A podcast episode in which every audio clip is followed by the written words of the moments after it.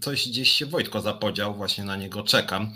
I tak nie wiem, czy oficjalnie startować, czy tu zacząć się, nie wiem, krygować na przykład i i, i, czekać na towarzysza Wojtko. No w każdym razie ja Was witam bardzo serdecznie. E, to może w związku z tym, że Wojtko lubi robić ten swój taki rytualny wstęp, tak, o tym, że po mojej lewej stronie jest lewa strona resetu, to może się nie będę przedstawiać, chociaż jest moje nazwisko po lewej stronie e, e, i, i zostawię tą, tą formułę dla Wojtka, który mam nadzieję, że się za chwileczkę pojawi. Słuchajcie, mamy ostatni program w tym roku mm, i tak się waham, bo ja sobie oczywiście tutaj wypisałem kilka tematów, związanych z tym, co się tam w ostatnich dniach działo. Natomiast no jest tak, że pod koniec roku bardzo wiele się robi takich podsumowań, kto był najlepszy, kto był najgorszy, komu się ufa, a komu się nie ufa. E, ja Wam muszę powiedzieć, że mam z tym pewien problem. Było takie dzisiaj sądy tam e, o najlepszym polityku e, i najgorszym polityku tego roku, mm, albo z kim by się chciało spędzić Sylwestra. Bardzo mnie to rozbawiło. Nie wiem, czy widzieliście, że wyszło tak, że najwięcej Polaków i Polek chciałoby spędzić Sylwestra z premier Finlandii, a nie z polskimi politykami, pewnie dlatego, że premier Finlandii, że tak powiem, fajnie tańczyła. Zresztą może patrząc na tych polskich polityków nie jest to głupie, że nawet jak ktoś nie zna specjalnie języka angielskiego czy fińskiego tym bardziej, to, to, to, to Sylwester się kojarzy z zabawą. Ja wam muszę powiedzieć, że na pytanie, z którym polskim politykiem miałbym spędzić Sylwestra, to jakoś nie mam swoich kandydatur e, i nie, niespecjalnie mm, chciałbym z nimi spędzać Sylwestra. Tak samo mm, na pytanie, zawsze mam problem, jak jest pytanie, któremu polskiemu politykowi ufasz? I ja muszę powiedzieć, że w sumie na tak zadane pytanie zawsze mi się wydaje, że żadnemu z nich nie ufam. E, przynajmniej tym parlamentarnym, w ogóle oni mi się wydają niezbyt wiarygodni, w związku z tym mm, nie mam zaufania do żadnego polityka, przynajmniej z tych z pierwszej tak zwanej linii czy pierwszej ligi. E, był taki sondaż, e, który polityk był e, jakoś tak najlepszy w tym roku i słuchajcie, wyszło, że większość Polaków uważa, na pierwszym miejscu był Trzaskowski. Mm, Trzaskowski, na drugim miejscu Kaczyński, a na trzecim Hołownia i tak dziwne to bardzo. Tak na marginesie śmieję się trochę, dlatego że pisał dzisiaj towarzysz Krzyżaniak, że, że on mnie będzie zagadywał, a tymczasem go cały czas jeszcze nie ma, więc liczę, że za chwilę się pojawi. No, ale w każdym bądź razie czas podsumowania, muszę powiedzieć, więc póki nie ma Krzyżaniaka, to 15 minut temu nagrywałem mm, taką zajawkę na TikToku o najgorszym pracodawcy 2022 roku. Jak się domyślacie, nie będzie dzisiaj dużo o Zakładzie Ubezpieczeń Społecznych, ale najgorszym pracodawcą 2022 roku e, uznałem właśnie oczywiście prezes ZUS-u Gertrudę Uścińską. E, pod wieloma względami sobie zapracowała na to miano. E, rzeczywiście bardzo dużo złego zrobiła. No poza tym, że mnie pozwała w trybie cywilnym i oskarżyła w trybie karnym, to samo zrobiła z Iloną Garczyńską. No właśnie, za, za TikToka odpalić zalejkować, Bayerberg pisze. E, więc e, uważam, że naprawdę bardzo dużo złego zrobiła w ogóle dla związków zawodowych i dla życia publicznego. To są takie, mm, to jest taka metoda zniechęcania do działalności związkowej. Od razu Wam zdradzę też, że e, w czasie świąt czytałem ustawę o związkach zawodowych z komentarzami, fascynującą lekturę. E, brzmi może mało atrakcyjnie, no ale dla mnie to jest taki podręcznik walki, e, aktywizacji i między innymi stawiania oporu wobec właśnie takich osób jak pani Uścińska. Więc a, czy jest wakat w locie przyrody, może wiecie co zanim piszę, jak też przyjdzie, to ja może spojrzę co piszecie, w ogóle witajcie bardzo serdecznie w ten przed sylwestrowy wieczór. Eee, dobry wieczór, tu wszyscy piszą dobry wieczór. E, zaraz się odniosę. A, Hołownia to Kato Talib. A właśnie to zanim Krzyżaniak jeszcze przyjdzie, słuchajcie, bo jak może pamiętacie, tydzień temu trochę się z Krzyżaniakiem poróżniłem na temat Hołowni. Chodziło o rozliczenie jego kampanii wyborczej. Trochę poczytałem o tej sprawie i od razu się odniosę do tego, co z, z towarzyszem Krzyżaniakiem rozmawiałem. Muszę powiedzieć, że mam cały czas wątpliwości wobec rozliczeń Hołowni, bo Hołownia twierdził, że nie mógł zarejestrować swojej partii, dlatego korzystał ze wsparcia fundacji. Być może nawet ma rację, tylko problem polega na tym, że jeżeli tak było, no to dlaczego w takim razie Hołownia publicznie mówił, żeby wpłacać pieniądze na Polskę 2050, a z tego co czytam okazało się, że te pieniądze, jak on zachęcał do wpłacenia na Polskę 2050, one wpływały na coś zupełnie innego. Były to fundacje, które są kontrolowane przez Hołownię i one się nie nazywały wcale Polska 2050. Co więcej, Hołownia twierdzi, że te fundacje nie mają żadnego związku z Polską 2050. W związku z tym wydaje mi się to, szczerze powiedziawszy, niezbyt transparentne i mówiąc delikatnie e, dyskusyjne.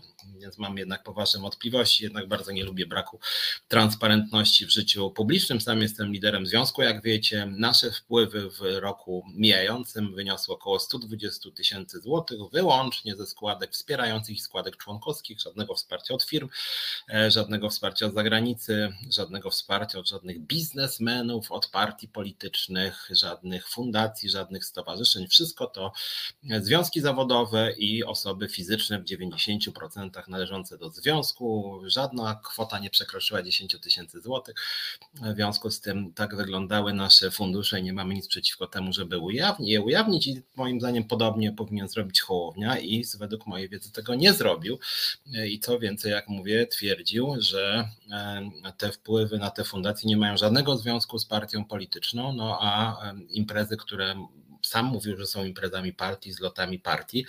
Ponoć, jak sam teraz mówi, były finansowane przez inne podmioty i że to były w ogóle imprezy innych podmiotów, chociaż na samych imprezach mówił, że, że Polska 2050 Szymona Hołowni rośnie w siłę. No więc mam jednak poważne wątpliwości, czy tu może Wojtko zaspał. Wojtko, czekamy na Wojtko, nie ma jednak jeszcze Wakat w locie może złożysz CV. No właśnie, no, mimo wszystko, jakby w tym rządzie, jak patrzę, jeżeli Janusz Kowalski może zostać e, członkiem zarządu dużej spółki energetycznej, no to właściwie ja mógłbym być spokojnie z stewardem, ale, no ale ja jednak w przeciwieństwie do Janusza Kowalskiego mam opory wobec tego, żeby robić coś, co, w czym nie jestem dobry, że tak powiem, i na czym się specjalnie nie znam. A poza tym jednak uważam, że w takich miejscach powinien być etat, a właśnie w locie proponują niezmiennie i uparcie umowy śmieciowe, chociaż pana e, prezesa już zdymisjonowano, no to jakby jakościowo się tam niewiele zmieniło cały czas.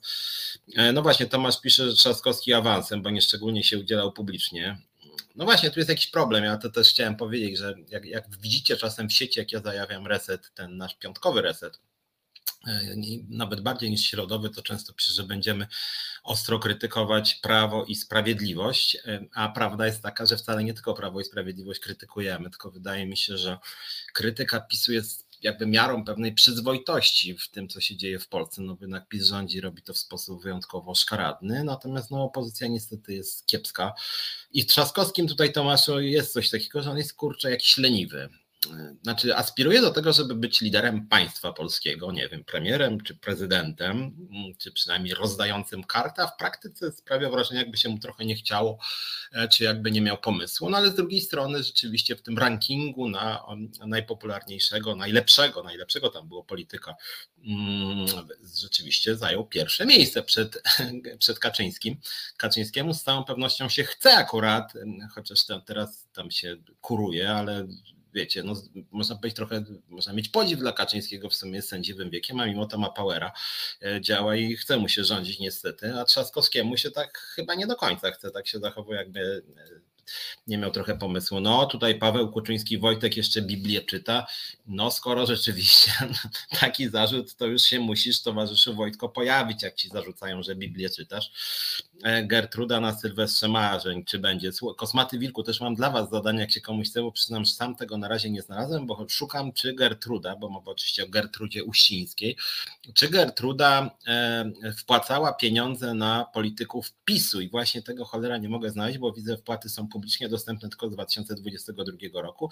I chętnie bym przejrzał cholera z 2016, 17, 18 czy 19, jak macie gdzieś te mm, listy, bo TVN jakoś do tego dotarł, oni dotarli do jakiegoś skarbnika PiSu i to tam były chyba te listy, natomiast w domenie publicznej tego nie widzę, chociaż właściwie w ramach informacji publicznej to powinno być dostępne, ale no ale widzę, że, że, że, że nie jest, nie tak łatwo. Jestem bardzo ciekaw, czy pani Gertruda właśnie płaci, wpłacała pieniądze, czy nie wpłacała. Tego jestem ciekaw. Mm, Piotr z wrażenia także ma wolną antenę, chłop w szoku jest. No pewnie, że jestem w szoku, no bo normalnie tutaj Krzyżeniak mi pięć razy przerywa, a tak to cholera nie ma mi kto przerywać.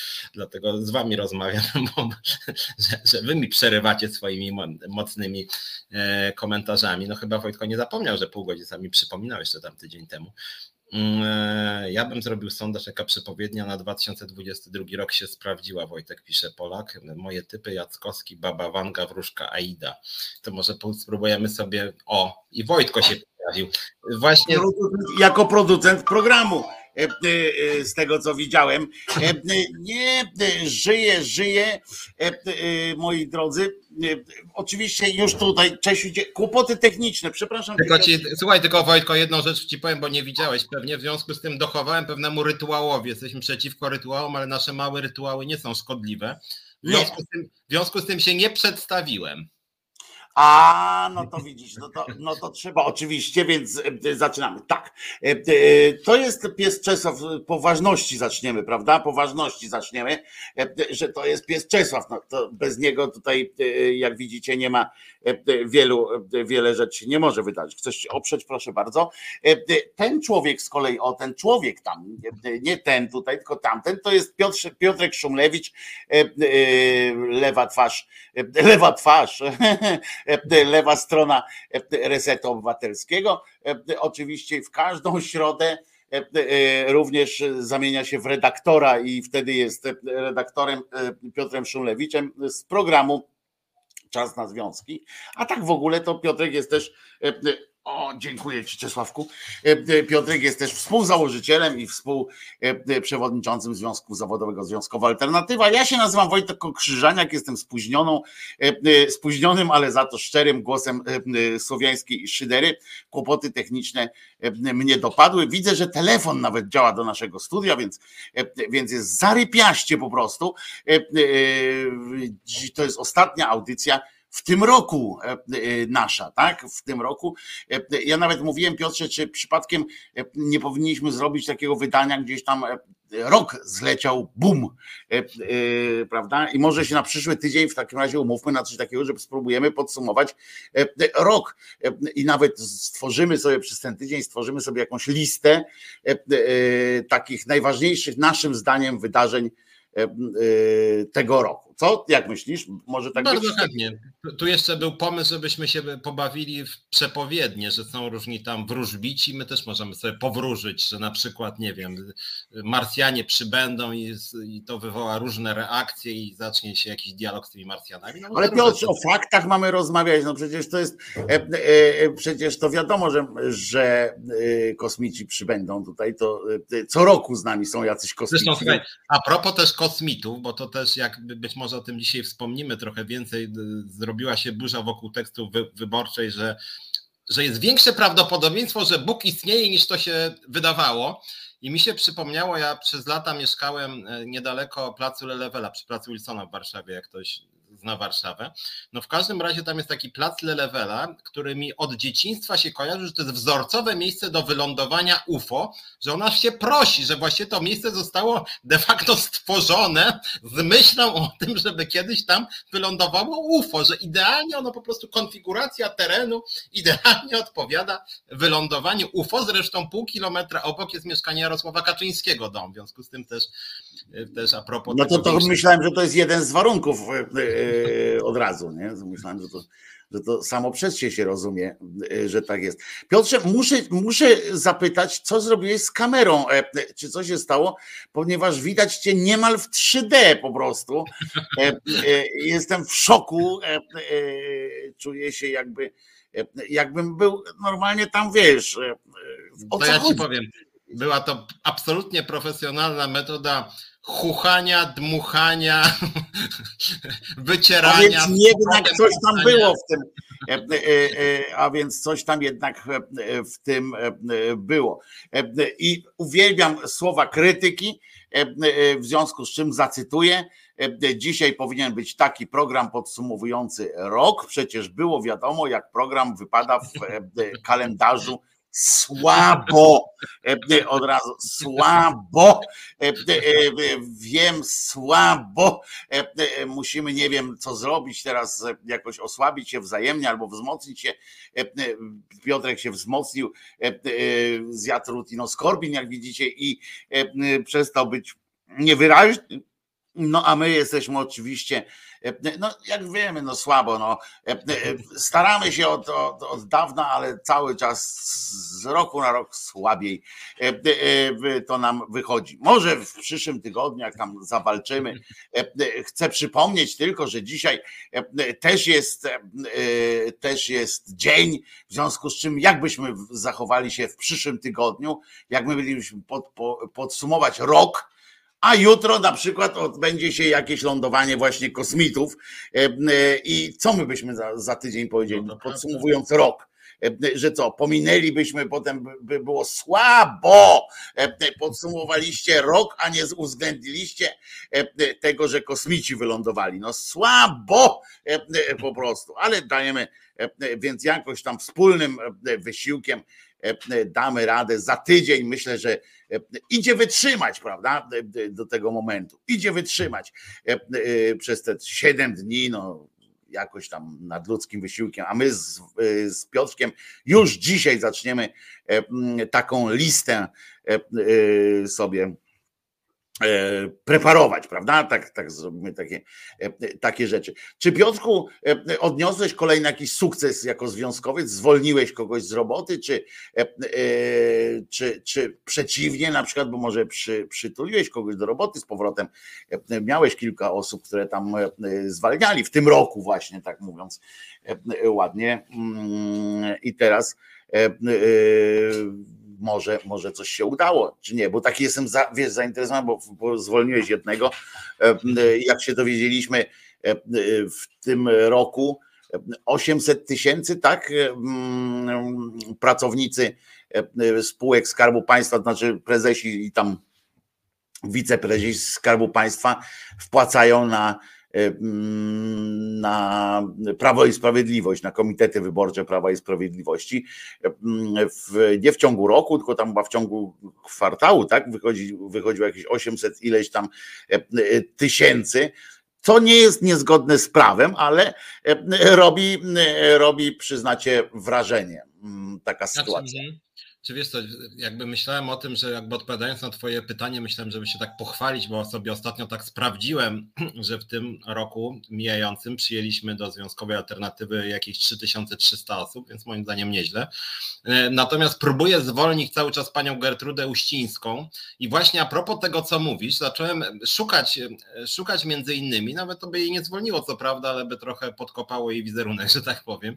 Mianowicie, czy ona przelała też jakieś pieniądze i zacząłem grzebać I, e, i, I, nie wiem, czy ty patrzyłeś, bo z tego co widziałem, przynajmniej w domenie publicznej są wpłaty tylko z bieżącego roku. Nie mogę znaleźć tych, znaczy długo nie szukałem, szczerze powiedziawszy, więc głębiej poszukam, może znajdę. Zresztą w ramach informacji publicznej oni powinni to upubliczniać, no tylko trzeba by do każdego posła i posłanki z osobna. Jest 2022 rok tylko w tym BIP-ie tak zwanym. I tam rzeczywiście te kwoty robią wrażenie, że jakby ci prezesi, o których powiedziałeś, spółek Skarbu Państwa, tam jest kilku, na przykład jest ta Sadurska na przykład, tak, co tam była kiedyś u Dudy, 45 tysięcy jednorazowo, e, Obajtek chyba, nie pamiętam, 30, ale takie ładne kwoty bym powiedział, no, że dla takiego, że tak powiem, przeciętnego Kowalskiego, nie Janusza, takiego na przykład jak, jak ja, to byłaby taka kwota, no, której by nie byłbym w stanie zapłacić 40. Zabijająca budżet domowy, zabijająca po prostu budżet domowy. Tak. No I w tym kontekście mnie to na swój sposób bawi, znaczy bawi, no bawi też oburza taka bezczelność, że tam właśnie widziałem tego nowego gwiazdora jakiegoś tam, tam z tego tam, e, e, z jednej z tych spółek, który tam krąży i opowiada o tym lotosie. Panie, czy pamiętasz pan, e, czy wpłaciłeś pan 45 tysięcy? No nie pamiętam, nie, nie wiem. I tak sobie myślę, no 50 tysięcy wpłacić, to niedawno, tam w ogóle 3 miesiące temu 50 tysięcy. Nie, wie pan co, ja nie wiem, no kupiłem masło, nie, kiełbasę, no to, to też płaci, co pan mnie chce, żebym ja pamiętał Żona po coś na poczcie była, może pan żony zapyta. Chociaż wiesz, z drugiej strony mam też taką szerszą refleksję w tym temacie, bo to jest oczywiście arogancja, ale jak czas, czasem czytam, o jak na przykład uderzyło mnie to, że jakaś była ostatnio zbiórka na jakieś bardzo ciężko chore dziecko. To, co też ty mówiłeś, że w Polsce niestety takie zbiórki są standardem i w ogóle nikogo to ani nie oburza, ani nie dziwi, że ludzie zbierają, bo inaczej umrze im na przykład dziecko, czy po prostu bliska osoba, czy osoba jakakolwiek, ale że na przykład jakiś gość płacił anonimowo półtora miliona złotych. Ja sobie myślę, kurczę, że są w Polsce ludzie, dla których, no rozumiem, że to jakaś tam akt, no wiem, jakiś przejął się bardzo, no ale znaczy miał dużo, tak? Jeżeli wpłaca półtora miliona, no to tak jak ja wpłacam, no nie wiem, 50 czy 100 zł, to dla mnie jest wahanie się, bo 100 zł dla mnie to nie jest tak mało, tak sobie wydać jednorazowo na drobiazg. I tak że są ludzie, się same nie zapłacą, nie? Tak, dokładnie. A są ludzie, którzy tak, nie wiem, 200 tysięcy, 400 tysięcy, więc nie to, żeby usprawiedliwiał tych nominatów pisowskich, ale skoro taki Janusz Kowalski, nie ten Janusz, że tak powiem, że tak powiem, taki, jak, jak to się mówi, przy, przysłowiowy Janusz, tak Przysłowiowy Janusz, tylko Janusz Kowalski, ten Janusz Kowalski w rok zarobił 2,5 miliona złotych, no to jak Janusz Kowalski gdzieś daje 50 tysięcy, no to tak jak dla mnie właśnie, no nie wiem, 50 złotych, no. Ale na partię chyba nie można dawać, nie? Yy, to, tak. to ty mi powiedz, chyba nie można anonimowo, prawda? To chyba nie można, nie ma takiej tak. opcji. Tak, tak, na partię nie można, więc teraz mówię o tych, o tych zbiórkach na jakieś tam właśnie chore dzieci, na tych zrzutkach.pl można anonimowo akurat. Natomiast to rzeczywiście oni wszyscy nagle stracili pamięć, ci nominaci partii. Co? Jakieś 50? Nie, pan, nie, nie, nie, to ja nie wiem. Daj, spytaj pan kogo innego, nie?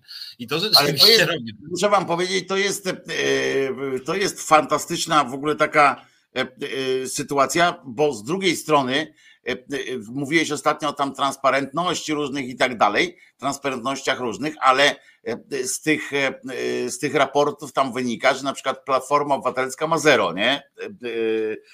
Na przykład zero wpłat przyszło i to powiem wam też mnie jakoś dziwi, że chociaż być może to chodzi o to, że on, że to nie wiem, bo nie wiem na jakiej zasadzie te wpłaty wykonują, że to każdy, bo ty bardziej tam jesteś w tym, to, to każdy obywatel może tak po prostu sobie, tak, że tak e, e, e idzie, nie wiem, wygrałem w totolotka, tak, i nagle jest tak myślę, kurczę, e, zrobiłbym coś dobrego, a wpłacę na Prawo i Sprawiedliwość. Znaczy wiesz co, ja ci też powiem, że według mojej wiedzy, znaczy wpłaty do partii, partia to jest tak samo jak też akurat tu związek zawodowy. No my jako związkowa alternatywa, no bogaci nie jesteśmy, bo od państwa mamy 0,0 czy samorządu. W związku z tym żyjemy ze składek, składek członkowskich, ale jest coś, co się nazywa składką wspierającą i to jest odpowiednik tego, co się w PiSie dzieje. To jest legalne, można na nas wpłacać. My z tego dużo pieniędzy nie mamy, ale czasem na przykład robimy jakieś akcje tam, nie wiem, na proces, na który potrzeba 15 tysięcy, to trudno nam to sfinansować ze składek, więc robimy akcje. Natomiast generalnie rzecz biorąc, y, politycy tak na co dzień raczej nie, nie robią akcji wpłać mi pieniądze, bo akurat ci politycy no parlamentarni... Właśnie nie słyszałem, dlatego się to dziwię, bo nie słyszałem właśnie, właśnie to chodzi standardowo partia, która ma kasę, a ma kasę, bo jest subwencja przecież i PiS, PO, PSL, Lewica ma dużo tej kasy. Znaczy relatywnie można mieć więcej, ale dużo. Więc to, że tam platforma nie ma jakiejś kasy, to jest w pewnym sensie naturalne, bo jeżeli ktoś nie, nie, nie pisze, słuchajcie, wpłacajcie do nas kasę, potrzebujemy, no to Szary Kowalski myśli, że dobra, to będziesz, będziesz szukał teraz konta platformy czy PiSu. No ja tam nie wiem, gdzie jest to konto, musiałem poszukać na stronie, to nie jest wcale wyeksponowane. W związku z tym, no to jednak wygląda trochę jak taki, no nie wiem, harat, czy właśnie kupowanie, bo, bo to nie jest standard, że się wpłaca. No właśnie, nie? Tak parlamentarne że to nie jest coś takiego, że, że sobie tak, tak jak moja mama, pamiętam jak dostawała pieniądze, jeszcze w pieniądzach się pensję dostawało i wiesz, i tam z tatą cuzamen do kupy te pensje i tam tu na jedzenie, to na buty dla Wojtka, nie? Tutaj na coś tam było tam comiesięczny rytuał taki tam sobie tworzyli, to, to nie ma czegoś takiego, nie? a tutaj na partię napis, nie? żeby demokracja, żeby wzmocnić demokrację, siedzą na przykład mama z tatą, nie? tak, no ale pamiętaj, Baśka, nie? Mój ojciec na przykład tam do, do, no ale Baśku, pamiętaj, że tutaj wiesz, co prawda buty i tak dalej, no ale pamiętaj, że trzeba wzmocnić demokrację w Polsce. Ojej, zapomniałam. Jezuś, przepraszam. I tam wiesz, tam zabiera z butów dla Wojtusia, nie? Tu miały być buty, a teraz z każdej z tych kupek, nie? Tam wiesz, z butów dla Wojtusia jeden banknocik, z e, czegoś tam drugi, nie? Ze zdrowia, e, z e, tych pieniędzy odłożonych na sanatorium kiedyś, następne. No to teraz chodź usiądziemy Juzuś i co zrobimy w tym miesiącu z, z pieniędzmi na demokrację, czy na PiS, czy na Platformę, kto najlepiej zasłużył, nie? No to tak tak chyba nie robią w polskich rodzinach. No nie, nie, nie, wyobrażam sobie, żeby takie dywagacje przy świątecznym stole na przykład były. No to za kim, komu będziemy nasze pieniądze wpłacali w przyszłym roku? Jaćka, dawaj, nie? No i argumenty wszyscy, co, co byłoby samo w sobie bardzo ciekawym w ogóle przedsięwzięciem, jakby tak przy tym świątecznym stole, tak no to na co w tym roku przeznaczamy jedną dziesiątą na przykład swojego budżetu domowego, nie? Tam ktoś mówi, no może byśmy jakieś dziecko wyleczyli, nie? To, to zagłosujmy na, na ten, wesprzyjmy jakąś partię, to ta partia na pewno, na pewno wyleczy więcej dzieci. To jest inwestycja nasza w demokrację, w przyszłość naszego ludu, e, e, miast i wsi i tak dalej. E, I tam ojciec zarządza głosowanie, potem wiesz, kapelusz, nie? Tam, tam patrzą, ktoś tam nagle napisał, związkowa alternatywa. No, no to, co, co to za dziwo, nie? Tam dyskusja jest no, w domu. To mogło być ciekawe. Tak, tak swoją drogą, żeby każdy musiał na przykład oddawać 10%. I, ale za to miał wolność taką, że może sam zdecydować na co, nie? Znaczy ja w ogóle akurat tutaj to tak na serio, ja jestem rzeczywiście za radykalnym zwiększeniem e, jakby grupy tych organizacji, na które można ten 1% wpłacać, czyli kościoły, związki zawodowe, organizacje pracodawców, fundacje, stowarzyszenia, partie, cokolwiek bądź i to byłoby moim zdaniem ok, w zamian by, by skasowano na przykład finansowanie tam dla niektórych organizacji, które tą kasę dostają, na przykład Kościół miliardy i to byłoby w sumie ok, jakby rozszerzono ten zakres. Natomiast tu jedna uwaga, bo tu widziałem, że jakieś były sugestie, Waldek chyba pisał, że te, ta kasa to była przy okazji wyborów. No właśnie nie, ja mówię o 2022 roku. No właśnie, to, bo to chodzi o to, to że PiS udostępnił i właśnie jak, bo, bo to jest publicznie akurat wpiszcie sobie BIP PiS tam w Google, BIP PiS wpiszcie i wyskoczy wam BIP PiS i będą wpłaty i w tych wpłatach jest tam chyba ze 40 nazwisk i praktycznie wszystkie znane. To właśnie o to chodzi. Żeby tam był, nie wiem, Malinowski, Janiak, jakiś tam y, Kowalski, nie Janusz, nie? Takie zupełnie nieznane osoby, nie? A tam jest właśnie jakby Obajtek na przykład jest, jest pani Sadurska, no nie mam tej listy przed sobą, mógłbym otworzyć w przerwie, ale generalnie rzecz biorąc tam są właściwie wyłącznie jacyś nominaci partyjni, e, jacyś tam, Joachim Brudziński wpłacił na przykład też tam i chyba... Nie, Joachim Brudziński to dostał 400 ileś. Nie, ale, ale, ale też płacił właśnie, co ciekawe, bo on dostał na kampanię, a wpłacił w tym roku, też jest na tej liście. Więc, no ale to, że jest członek, tak zwany członek e, e, płaci, ale to jest, ja słyszałem a propos tych wpłat, to słyszałem tak już też całkiem na poważnie, takiego człowieka, jakiś tam doktor, czy doktorant, czy, czy coś tam, który wyjaśniał o co chodzi, e, dlaczego to jest takie niebezpieczne i e, dlaczego to jest takie mm, e, złe.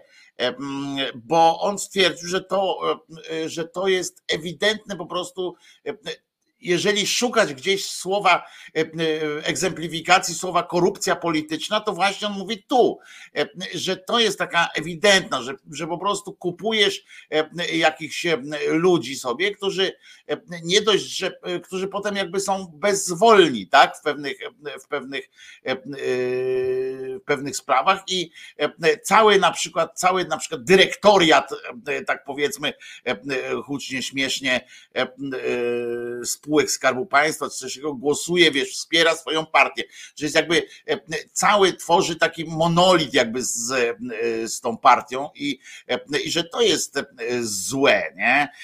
I ja się tu zgadzam, bo, bo oni uzależniają swoją, bo jeżeli widzimy, że E, następuje uzależnianie jakichś tam funkcji e, i to nie politycznych funkcji, bo to, że ktoś jest politycznym e, tam jakimś tam gabinet polityczny premiera czy coś takiego, mm, to to, to, to, to normalne chyba, tak, że tam ma, ale faktycznie uzależnia cały ten aparat od konkretnej jednej partii, której się opłaca. Z drugiej strony, wiesz, słyszałem też taki głos, że a może, jak już, tylko to jest takie usankcjonowanie patologii, tak? Bo ktoś tam powiedział, że a może po prostu, jak oni tak zarabiają dobrze dzięki nominacji partyjnej jakiejś tam, to może po prostu uczynić to, że oni po prostu prezesi i tak dalej, niezależnie od tego, kim są, że następny jak przyjdzie, że oni muszą po prostu część ich pensji idzie na konta partii rządzącej. Obojętnie jaka partia, jak ty dojdziesz do władzy, wtedy jest jeszcze dodatkowy, e, e, dodatkowy taki wiesz, e, aspekt mobilizujący dla partii jakiejś, tak, bo zawsze mówią tak, słuchajcie, wygrajmy wybory, bo zobaczcie, ile kasiory jest jeszcze do odebrania od tych wszystkich tam nierobów, z tych wszystkich spółek, a to z kolei jeszcze ma jeden aspekt taki, że, że nie trzeba będzie ich wszystkich zwalniać i przyjmować następnych, bo i tak te kasę dostajemy, rozumiesz? Czyli nie, można, nie trzeba zwalniać wszystkich znowu. Tak, nie, ty się znał. Ja 30 lat byłem tam jakiś, robiłem w ropie, nie? No trudno, no. E, a e, ten młody człowiek to gdzieś ma się uczyć, na przykład ten mój syn e, maturzysta, to gdzie ma się uczyć w tej ropie? Zajmujesz pan mu miejsce, nie? I, i no to siema, do widzenia. Rozumiesz, e, bo to i tak będą pieniądze, pieniądze będą kapać i tak będą kapać. No to śmiech oczywiście, my się śmiejemy, ale e, to tak naprawdę dramatyczna sytuacja. Niektórzy, niektórzy mnie posądzają, że tak powiem, o taki naiwny romantyzm, bo rzeczywiście dla mnie to jest tak, że jak ja bym jakby na miejscu takiego na przykład Milczarskiego, tego prezesa lotu, który wpłacał właśnie po 5555 zł i 55 groszy Kaczyńskiemu, Morawieckiemu, tam jeszcze kilku innym, akurat tym z górnej półki, że tak powiem, to ja bym powiedział, panie, weź mi pan, nie wpłacaj tych pieniędzy, bo to będzie aż głupio wyglądało i jakby stracisz szansę na funkcję prezesa lotu, nawet jak ty jesteś kompetentny, no bo jak ty później możesz być tym prezesem? No wyjdzie, że korupcja, no stary, no to jakby nie, nie wpłacaj tych pieniędzy, to jakby będziesz jakby bardziej wiarygodny jako kandydat. Jak ty mnie wpłacisz, no to wyjdzie, że ja umoczony i ty umoczony, nie? A oni zupełnie inaczej kombinują, że tak powiem. Nie kombinują, tylko właśnie pamiętaj, e, Bareja może nie był e, e, tak sam w sobie jakimś takim, wiesz, ja nie lubię tego ufajniania PRL-u, takiego, że, że sentyment się tworzy potem e, do tego PRL-u, ale tu miał rację. To w PRL to jeszcze za carskiej Rosji, e, e, kiedy czytacie, wiecie, na przykład rewizory i inne tego typu sztuki z carskiej Rosji, tam wszędzie, gdzie jest taka właśnie biurokracja, to tak się to odbywało, że zarabia się pieniądze uczciwie. Najpierw trzeba stworzyć mechanizm, który jest obiektywnie zły, zły po prostu, e, który jest korupcjogenny, bior, korupcjobiorczy, korupcjogenny, korupcjo e, śmierdzący, któremu śmierdzi z ust taki system, a potem trzeba z niego zgodnie z prawem e, korzystać. I tak właśnie PiS robi od początku swojej działalności i potem, i potem my wychodzimy na pajaców, bo się żołądkujemy, nie? Oni mówią, no ale przepraszam bardzo, coś no co, co, co, co, co zrobiliśmy? No, no taki system jest, no przecież nie zakaże, e, przecież nie możemy zakazać Obajtkowi wpłacania, e, bo limit tam jest rocznie, czy nie wiem, czy tam 45 tysięcy, prawda? Tam e, coś takiego, 49 czy 5. Mm, no mówi, no przecież nie możemy zakazać, przecież to jest obywatel tak jak każdy inny. Ma prawo, skoro kocha Prawo i Sprawiedliwość, no to my mu nie powiemy, panie Obajtek, wszyscy mogą, a pan nie, na przykład, nie? Albo nie będziemy zmuszali go do korupcji, żeby nam przynosił w foliowej torbie e, te pieniądze, e, a potem nie, najważniejsza jest transparentność. I to oni wyjdą na tych, co mówią właśnie, najważniejsza jest transparentność, najważniejsza jest praworządność i już no. Słyszałeś, słuchaj, bo w, w, środę chyba o tym już powiedziałem w programie, ale to jest rzecz, która bardzo dobrze wpisuje się w tą naszą dyskusję. Nie wiem, czy widziałeś. Mianowicie e, wysłałem zapytanie do pana Marcina Chorały, e, czy bezpartyjność jest. Czy bez... Cymbałem nie gadam. Ale to, ale to akurat dosyć rozkoszna interpretacja, słuchajcie, precedensowa zarazem. Mianowicie napisałem, napisałem do CPK-u, do pana Chorały, bo on jest koordynatorem rządu, pełnomocnikiem rządu oficjalnie do spraw Centralnego Portu Komunikacyjnego i zadałem mu w ramach informacji publicznej pytanie, e, czy, e, czy bezpartyjność jest kryterium w zatrudnianiu w CPK-u, w tym szczególnie na wysokie stanowiska, a jeżeli nie, to jaki odsetek e, pracowników jest zatrudnionych, jest w jakiejkolwiek partii, w jakiejkolwiek partii? Nie wymieniałem, że Prawo i Sprawiedliwość, tylko jakakolwiek mhm. partia.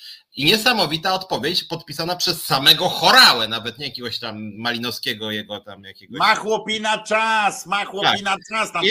Na polu się nie za dużo dzieje, więc walczy. I posłuchaj, i odpowiedź mnie muszę powiedzieć, jakby aż mnie zrobiła wrażenie. Posłuchaj, cytuję. Informuję, że spółka CEPEK nie jest uprawniona do zbierania informacji dotyczących przynależności partyjnej pracowników i ich rodzin. Jest to tu później cytat, że to jest z RODO sprzeczne. Informacje te zaliczone są do kategorii wrażliwe i podlegają szczególnej ochronie. I pomyślałem, kurde, czyli tak, zatrudnia się par partyjniacko czysto i później, no dobra, ale pan tu zatrudniłeś swoją rodzinę i jeszcze swoich doradców z partii. To jest RODO, to jest tajemnica. Ja nie mogę nic powiedzieć. I później śmiałem się trochę też z moimi nawet w policji cywilnej, że nawet, bo w policji jest zakaz rzeczywiście łączenia i powiem, że słuchaj, masz patent, możesz wstąpić spokojnie do partii i później nawet występować w telewizji jako, nie wiem, partia Szumlewicza na przykład i powiem, ale panie, przecież nie może być pan, plana, RODO, co mi pan zrobisz? No i znowu I musimy się pokłócić, nie? No i znowu musimy się pokłócić, Piotrze, no bo to jest prawda, że nie powinno się. Yy, nie, ale posłuchaj, poczekaj chwilę. To uzupełnię ci jeszcze, dlaczego ja się z tego śmieję. Są w Polsce zawody, których rzeczywiście jest kryterium bezpartyjności. Przed rządami PiSu, na przykład służba cywilna, był całkowity zakaz działalności partyjnej ustawowy. PiS zaczął to rozkminiać. Ja nie zapytałem ministra Chorały o to, czy pracownik CPK Malinowski jest, jest, y, jest w PiSie. Ja zapytałem, czy jest kryterium bezpartyjności, czy, czy, czy podpisuje się klauzulę, nie działam w partii politycznej, bo mówię, cała służba cywilna do niedawna y, trzeba było taką formułkę podpisać z racji właśnie ewentualnego konfliktu interesu. Więc ja tego się zapytałem i no on tak, ale to to nijak taka sama jak płeć. No tak, ale to nijak się nie ma do tego, że jak wystąpisz jako przedstawiciel partii, e, e, na przykład, a potem mówisz, że RODO jest, bo, bo coś tam, RODO uwalniasz, kiedy sam się wystąpisz gdzieś tam, to uwalniasz RODO, to już, to już RODO cię nie obowiązuje. Jak ty mówisz na przykład, że Piotr Szumlewicz jest członkiem, założycielem e, Związku Zawodowego Związkowa Alternatywa, to już cię RODO nie interesuje, już wszędzie mogę podać, tak? Mogę, jak ty to podasz, to wszędzie mogę informować, że Piotr Szumlewicz jest związkowcem ze Związkowej Alternatywy, ja dlatego mówię o tym policjancie, to mówisz. ale na przykład ja wiem, ale na przykład sędziowie nie mogą do partii należeć. I ale to jest wiele takich zawodów, którzy muszą być, e, muszą być apartyjni. To nie antypartyjni, tylko apartyjni. E, więc, e, więc pan ci odpowiedział zgodnie z tym, że nie ma czegoś takiego, żeby on, bo skoro on nie wie, bo w ogóle w Polsce, i to jest zresztą na świecie też tak jest przyjęte jakoś tam, że nie możesz pytać o kilka rzeczy dotyczących jak idziesz do pracy. Czyli na przykład nie możesz pytać o, e, e, nie wiem, o preferencje seksualne, e, tak. nie możesz pytać o to, czy, nie, czy chciałbyś, żeby Żyd koło ciebie mieszkał. Wiesz, nie można pytać o, o to, co byś jadł, czego nie chcesz jeść i tak dalej i do, tej, do tego należy też do jednej z wolności, które mamy wpisane, to jest ta wolność politycznej e, deklaracji, e, ale można zapytać ewentualnie, i o to można zapytać, czasami tam trzeba nawet, czy jesteś, tak jak powiedziałeś, czy jesteś członkiem jakiejś partii. No właśnie. I tu, ci, bo, tu jest ta różnica. E, no, I tu jest ta różnica jak najbardziej, ale tutaj nie, nijak się ma do, do tego ten przykład z tym milicjantem, który najpierw by wyszedł i powiedział, jestem, e, e, występuję przed państwem jako przedstawiciel partii Szumlewicz, a potem ktoś go pyta, no panie, ale pan, pan jesteś partyjny. Nie, no co pan, co mi pan tu suponuje, RODO i mnie ten, to, to nie widzisz, to nie pasuje, to nie bo, nie, bo mi chodzi o to, że któregoś dnia na przykład jakiś TVN24 czy Onet zrobi materiał i pokaże, że w CPK pracuje, nie wiem, e, dajmy na to, wszyscy jacyś tam doradcy polityczni chorały, którzy należą do PiSu od lat i mówią, panie, no zobacz pan, zatrudniłeś pan wszystkich swoich znajomych z PiSu. On powiedział, prawda, ja nie, ja, ja nie mogłem ich pytać o przynależność partyjną. No i w tym sensie wydaje mi się, że. Nie, dlatego, to, jest, ten... to jest już e, to jest opisane w tych właśnie w takich rzeczach. Tylko, że chyba RODO właśnie, chyba, że nie RODO, tylko mówię chyba, że CPK e, nie podlega chyba takim e, niestety. I to też jest ciekawe pytanie. Do jakiego do jakiego szczebla należałoby na przykład, czy kierownik odcinka na przykład już by musiał zadeklarować przynależność, na przykład nie, nie, nie, nie konkretną nawet do jakiejś partii, tylko musiał zadeklarować, że jest członkiem wspierającym jakąś partię czy nie? Wiesz, w którym momencie by następowało to, że musi, no bo, bo trudno z kolei, wiesz, pytać montera maszyn, który tam siedzi, albo nie wiem, nawet kamerzystę w TVP, nie? Czy jest członkiem PiSu, czy nie? I pod tym względem coś tam, czy partyjny jest, jest tam partyjny? Nie bo Przemek słusznie zwrócił uwagę na to, bo ja bo rzeczywiście Chorała przytoczył ten zapis RODO właśnie, że wrażliwe to są poglądy polityczne, a nie przynależność do partii, to jest co innego. W RODO jest faktycznie, że zabrania się przetwarzania danych i później jest tam między innymi poglądów politycznych, a nie przynależności do partii, to jest co innego. I tak samo sędzia sądu ma prawo do swoich poglądów, bo każdy ma swoje poglądy, no nie można zakazać posiadania poglądów. Natomiast rzeczywiście w pewnych zawodach, sędzia, tam policjant, wojskowy i tak dalej, nie można właśnie należeć. No tak, do... to są opisane, to są opisane te zawody, grupy zawodowe, w których to trzeba, no ale e, e, trudno e, powiedzieć, że jak się zadeklarujesz jako członek PiSu, no to można, e, można na przykład no, stwierdzić dosyć prosto, albo twoje poglądy polityczne, albo e, e, twój stosunek do świata, na przykład, prawda? Bo tam sposób na karierę, nie? Należy do PiS. Dobra, dawaj. Będziesz wyższym monterem. Tak jak, tak jak wiesz, no nie wiem, e, e, podejrzewam, że nie musi się łączyć, wiesz, mój stosunek do Boga e, z funkcją, którą zajmuję w kościele, prawda? Nie? Takiego wśród biskupów na przykład też mogliby zrobić ankietę RODO, tak, który z nich wierzy w Boga, nie? Na przykład i to by mogło być też mogłyby być ciekawe badania w ogóle wyjść wyjść tak naprawdę. Tylko, że e, akurat w tej grupie e, e, zawodowej to chyba to jest o tyle bezcelowe, że oni mają wpisane jakby kompetencja zawodowa, to umiejętność dobrego kłamania, prawda? I w jedną z podstawowych takich kompetencji zawodowych, w związku z czym te wszystkie a wiesz, a paradoks kłamcy, tak? Czyli nie wiesz, że jak ten kłamca raz ci powie prawdę, to nie wiesz, czy on akurat jest kłamcą. W związku z czym wszystkie sondaże, badania robione na tej grupie społecznej są psu nie na budę nawet, tylko psu na dupę potrzebne po prostu te, te badania. No ale trudno. Jakoś ostatnio nawet korespondowałeś, widziałem pożytek twój z tego z Twittera, że zasięgi ci nabić postanowił niejaki Fox, Lis Tomasz. Mi tego nie robi, ponieważ kiedyś raz mi zrobił, wciskając ban, prawda, że ja byłem lewackim właśnie pomiotem i tak dalej, bo mu też zwróciłem uwagę, kiedyś to właśnie chodziło, zdaje się, o, o też jakieś takie półboskie wydarzenia. To teraz, ale chyba nie byłaś wtedy taki w końcu tam jakoś.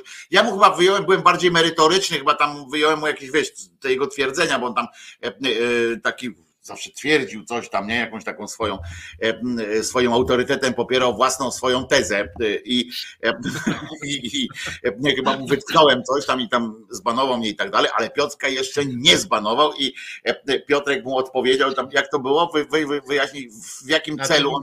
Słuchajcie, ja, ja wiem, że polski internet, te, te media społecznościowe są bardzo spolaryzowane i to się tam na całego są dwa obozy PiS i PO, ale akurat tutaj okazało się, że list jest raczej po stronie PiSu, że przynajmniej no, może jest jakaś inna polaryzacja, może to jest jakiś obóz, nie wiem, postsolidarnościowy, czy jak to tam nazwać. No w każdym razie ja napisałem, że to był rok odchodzenia od kultu Jana Pawła II, pomnik obrońcy księży pedofilów zaczyna upadać, a list mi odpisał kolejny żałosny lewacki wystryw, więc tak bardzo bym powiedział stanowczo, to jest w ogóle jakiś taki trend. Znaczy, on, znaczy problem z Lisem jest moim zdaniem taki, bo już niezależnie od różnicy zdań między nami, że Lis jest tym, że tak powiem, jakby powiedzieć, obrońca tego starego porządku z lat powiedzmy, nie wiem, początku 2000, kiedy wszyscy się zgadzali, może tam parę osób, bo jakaś Senyszyn powiedzmy nie lubiła tego Wojtyła, ale generalnie wszyscy się zgadzali, że to był wielki Polak i były tam, i że biskupi są wielcy i wspaniali, no jednak troszkę się od tego czasu zmieniło, bo dzisiaj już w zasadzie cały klub lewicy i powiedzmy jedna trzecia. Na przykład internet włączono niektórym i się mogli dowiedzieć, tak. że I tak nie jest. I już jednak powiedzmy w tej sieci ten papież już nie jest Polak tak pozytywnie oceniany, biskupi też nie za bardzo, no i coś się chyba zaczęło dziać, że taki Matczak i taki Lis zaczęli właśnie szkalować tych właśnie zwierzęcych, znowu wrócił ten język zwierzęcych antyklerykałów, jak ja na przykład, moja skromna osoba. W związku z tym list zaczyna, zaczyna że tak powiem, tak bardzo ostro. On jest w ogóle swoją drogą cały czas taki sam tak naprawdę, bo on ma w sobie coś takiego, że on kurczę, jak już odpowie, to tak tak przywali, z taką, jakby z taką totalną pogardą, że człowieku, ty w ogóle nie pasujesz do tego porządku, ja tu nie będę w ogóle z tobą merytorycznie rozmawiać, bo z tobą to w ogóle nie ma sensu. I on rzeczywiście, mam wrażenie, to aż podziw, że on się w ogóle nie zmienia chyba rzeczywiście od lat, nie wiem, 25, tak faktycznie podziwiam pewnego rodzaju ciągłość, że jest też na fakty zupełnie ślepy, jak chodzi na przykład nie. On zawsze był, tu niestety e, trzeba tak przyznać, że, że Lis zawsze był e, e, po prostu zapatrzonym w siebie dupkiem, który, e, e który do wszystkich miał generalnie mniejszą lub większą pogardę, nawet do, do, do swoich szefów czy do czegoś zawsze uważał, że z tego co ja zaobserwowałem, jak się jeszcze z nim znałem, że, że zawsze było coś takiego, że dobra, dobra, jak już musiał, to tam wiesz, jakoś tam uwzględniał te, tego swojego szefa w tych swoich kalkulacjach, ale to zawsze było przepełnione taką, takim protekcjonalizmem też takim, jak ty głupki, ty, ty, ty głupi, ty nie, nie za dużo wiesz. A tu jest ciekawe, ciekawe, zresztą to jest, odpierdziela to wielu ludziom, to mieliśmy przykład i Durczoków i, i Kraśków i wszystkim, że oni odpiernicza im na takim, wiesz, a to oczywiście możemy się, możemy to jakoś tam zrozumieć, nie pochwalać, ale zrozumieć, ponieważ wiecie, no jeżeli siadacie co wieczór przedtem i wiecie, że ogląda was tam ileś milionów ludzi i spijają te słowa z waszych ust i tak dalej i przedstawiają was jako, jako autorytet, to taki człowiek po prostu w pewnym momencie staje się dla siebie takim autorytetem, nawet w tym, sensie, że usprawiedliwia to każde jego, oczywiście nie usprawiedliwia, tylko w jego oczach to usprawiedliwia, ale ważne jest też to, że jeżeli tutaj jest ktoś, kto chciałby i Piotruś chciałby się dowiedzieć, dlaczego tak jest, to, to pan, pan Lis na przykład i to takie podobne jemu środowiska różne, e, e, z lewej i z prawej strony, tylko to chodzi o pewien rodzaj mentalności, e, mają problemy absolutnie z przyznaniem się do, z, takim zrobieniem kroków wstecz na przykład, albo jakimś takim, taką, takimi sytuacjami, bo tutaj odsyłam was wszystkich, ci, którzy znają Zenona Kalafaticza, kanał Zenon Kalafaticza Teiści, wiem, że Piotrze też znasz ten kanał, tam jest taki film i Piotrze bardzo ci polecam, szczególnie, bo niedawno on się ten film ukazał. Film się nazywa Jan Paweł II e, Wielki.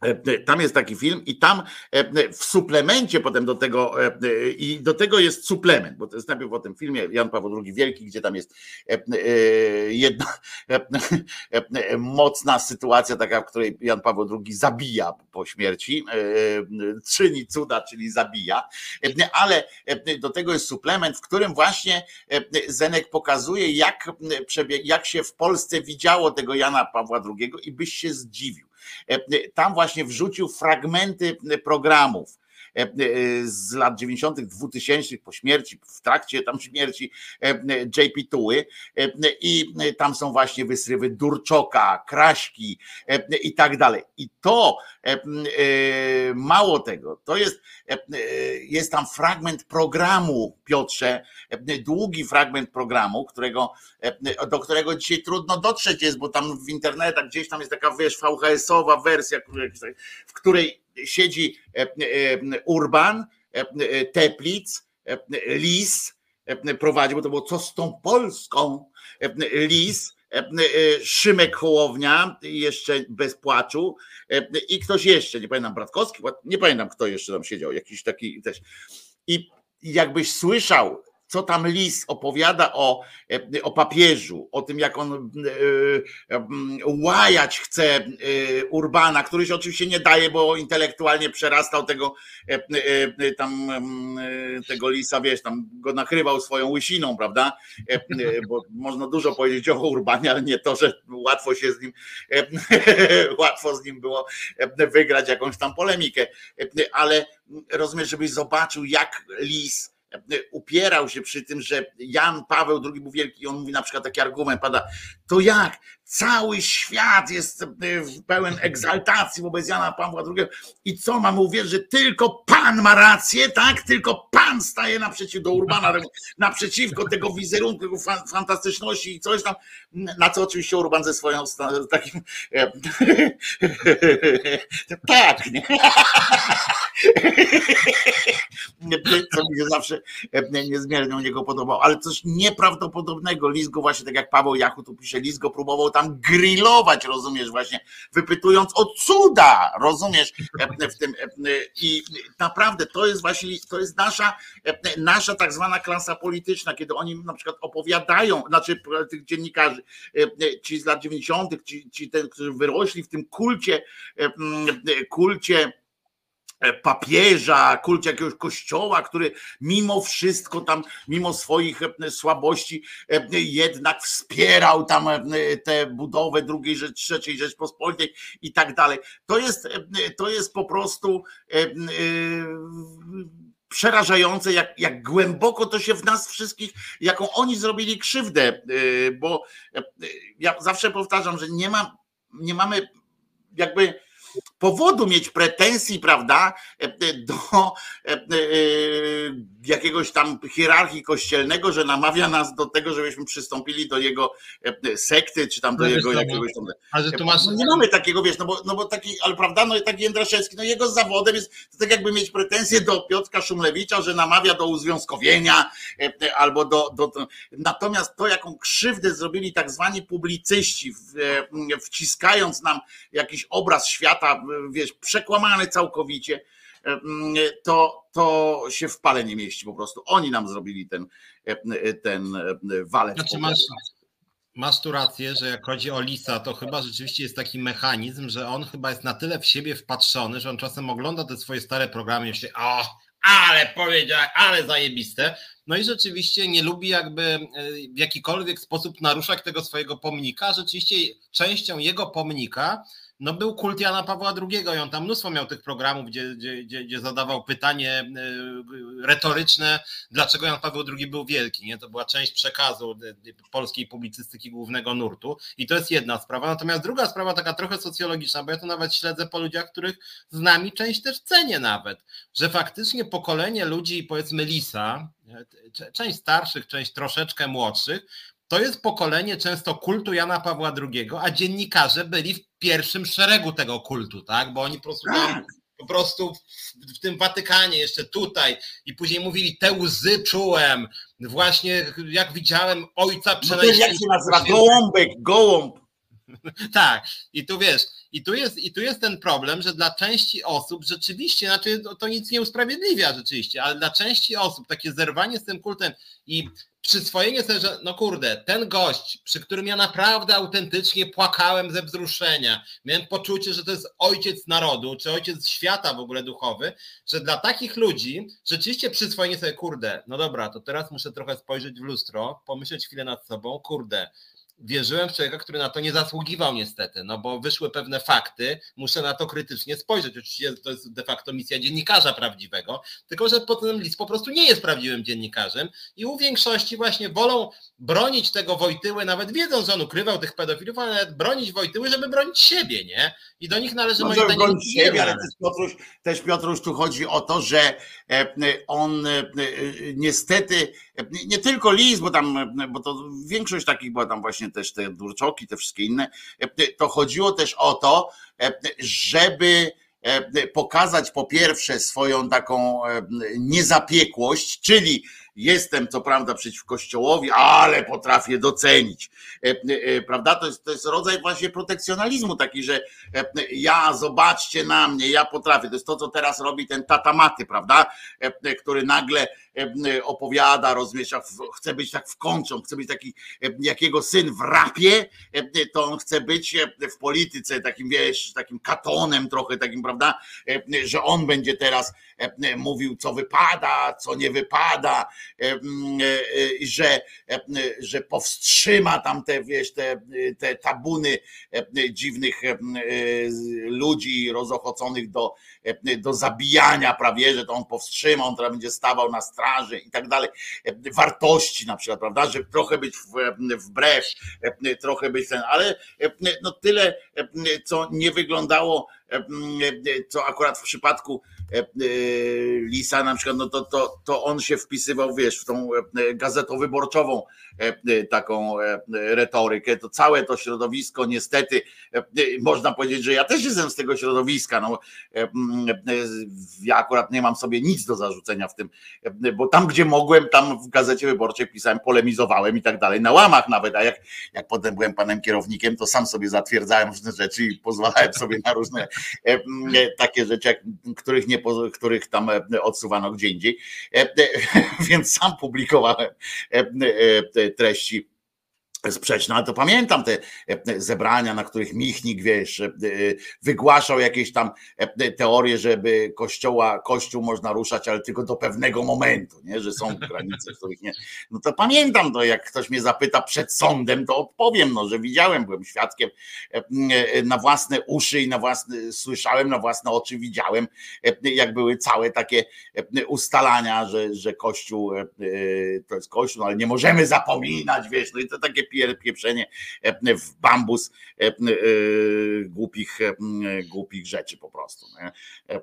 To jest, jest przecież wiedza kiedyś była zupełnie inna niż teraz na ten temat. No i właśnie o tym Piotrek powiedział przed chwileczką, że po prostu są fizycy, którzy do pewnego momentu opierali swoje badania, dalsze badania robili na podstawie jakiegoś tam założenia i jednak przyszedł inny, który w, danym, w danej dziedzinie poczynił jakieś tam efekty, zrobił eksperyment, najpierw teoretycznie zbudował, potem eksperyment stworzył. Wyszło, że jednak te założenia poprzednie były błędne, w związku z czym niektórzy fizycy mogą oczywiście, jak Lis w tym swoim, Pieprzysz, na pewno nie, ty gnoju jeden, ty, ty zniszczyłeś te prawa, odwieczne prawa fizyki, a ten mówi, no jakie odwieczne, przecież to 10 lat temu wymyśliliśmy tam to twierdzenie i to było tylko założenie pewne, no ale właśnie nie zweryfikowało się. Pieprzysz, z wyrolu lewacki, ja będę dalej uważał, że nie ma tam na przykład, że ziemia jest płaska,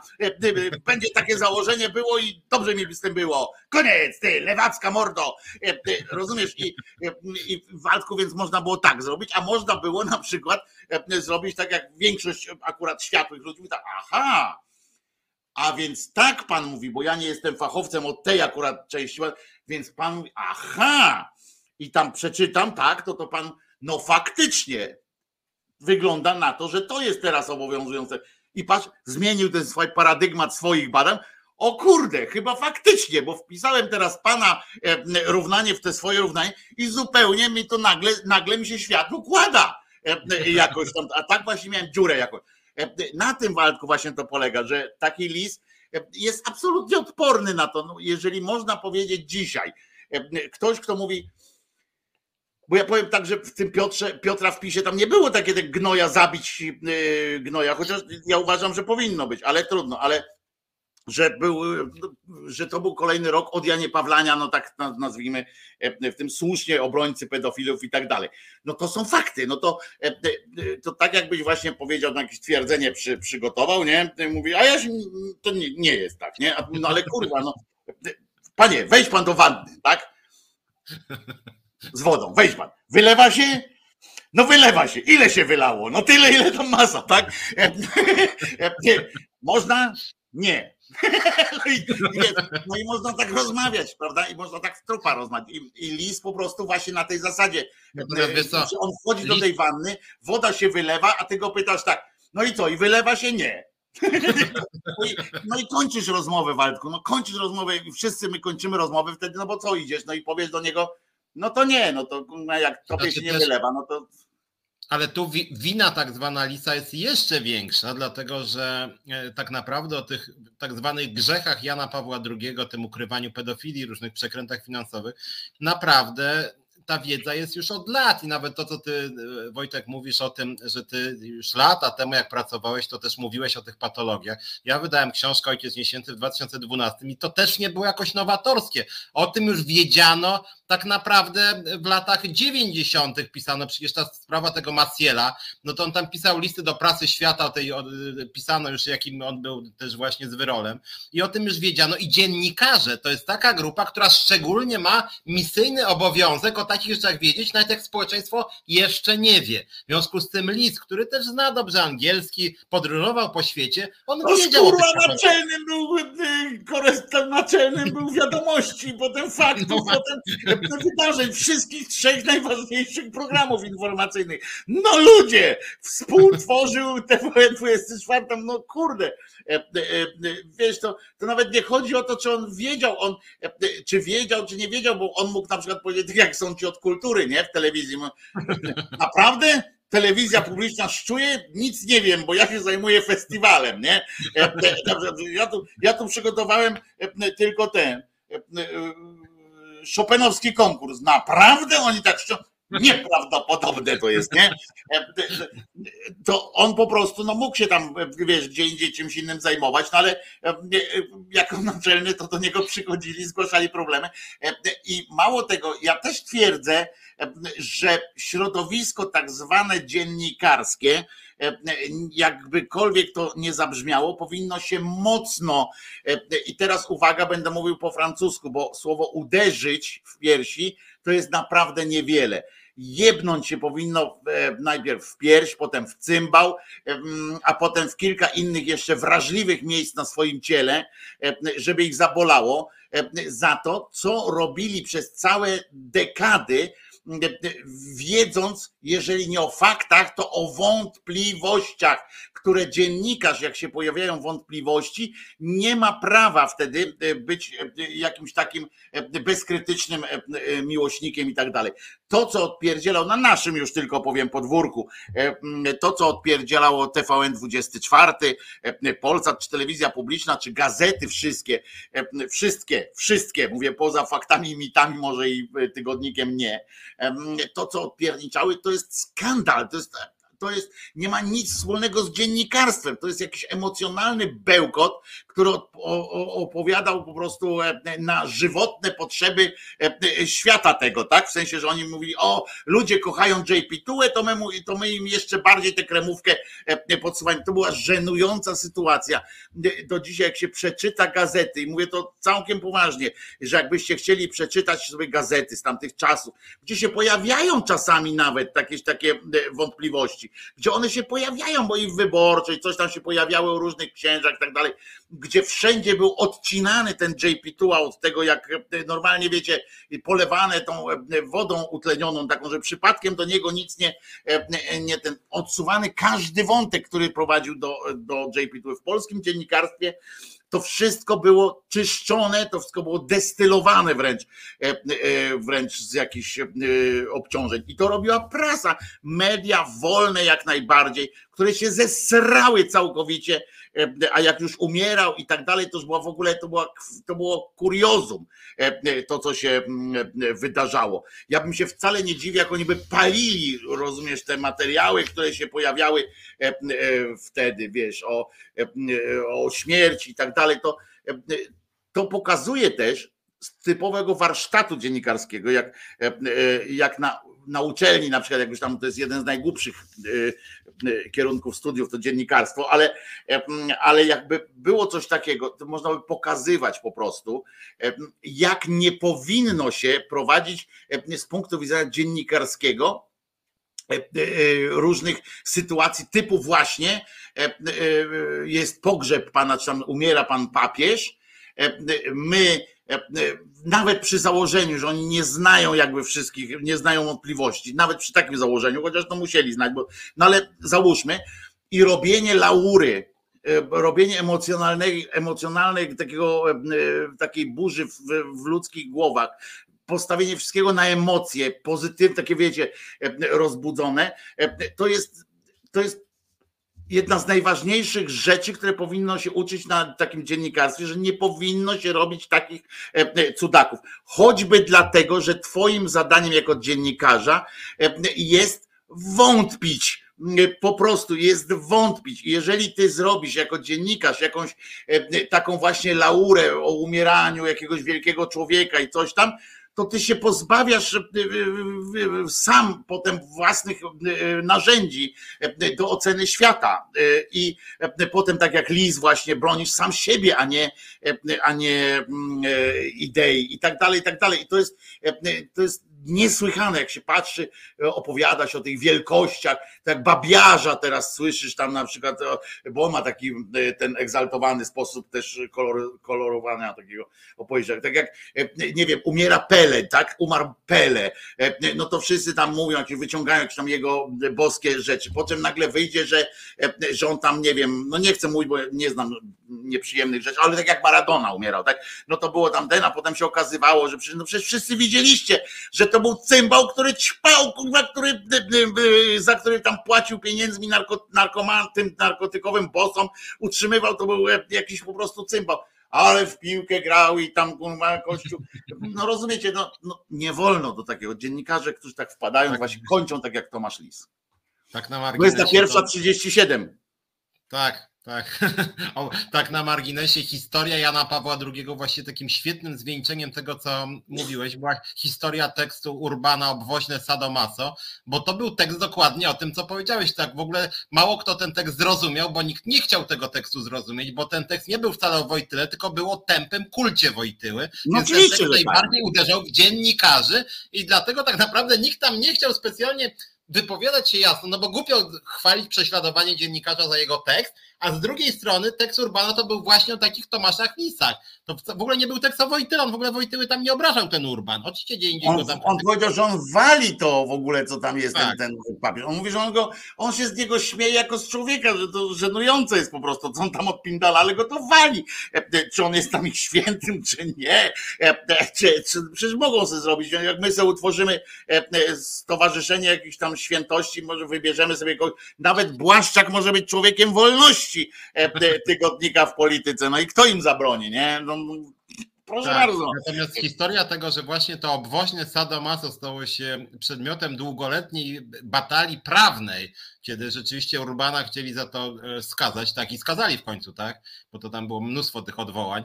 Natomiast to świetnie jakby domyka klamrą wszystko, co powiedziałeś, że właśnie jak ktoś już mówi, dobra, dziennikarze, bo to, to właśnie ty przed chwilą powiedziałeś, tylko Urban to powiedział trochę ostrzej, ale dokładnie to samo, ludzie, jesteście dziennikarzami, to przestańcie tam sami się ślinić, prawda, zachwycać, padać na kolana, przecież kurde, macie obowiązek, żeby jednak nie brać udziału w tym cyrku całym. Jaki on jest teraz, jaki wielki człowiek, jaki Bóg, jaki tam, kurde, każde pierdnięcie to jest, to jest pierdnięcie Boga. Czy wyście powariowali? Jak, co, obraza, jak no ten właśnie w tym, w tym programie, w tym filmie, w tym filmie e, Zenka Kalafaticza jest właśnie dokładnie to, o czym mówisz, bo w tym programie padło właśnie wszystko, wszystkie te e, w cudzysłowie grzechy takie właśnie takiego dziennika, tam właśnie padły.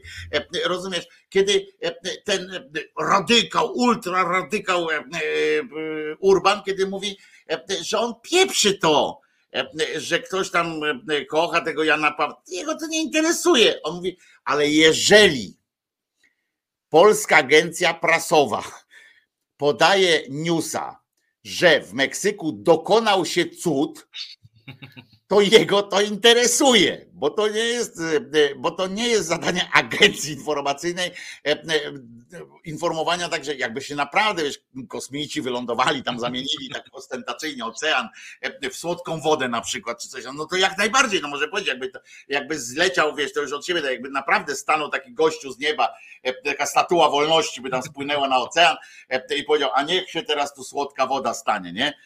I będziecie szczęśliwi na przykład, czy coś tam i nagle wszyscy, no to trudno, to trzeba było takim informować, ale nie o tym, że Kościół uznał za cud, to nawet gdyby tak poinformowali, ja wam pokazuję też na czym polega różnica w informacji, e, że gdyby oni powiedzieli, Kościół katolicki e, uznał za cud w, w, ramach ten jakieś tam pojawienie się czerwonego, czerwonej kropki w, w, czymś tam, albo to, że jakaś tam pani wyzdrowiała, tak? E, lekarze są innego zdania, mógłby im dodać.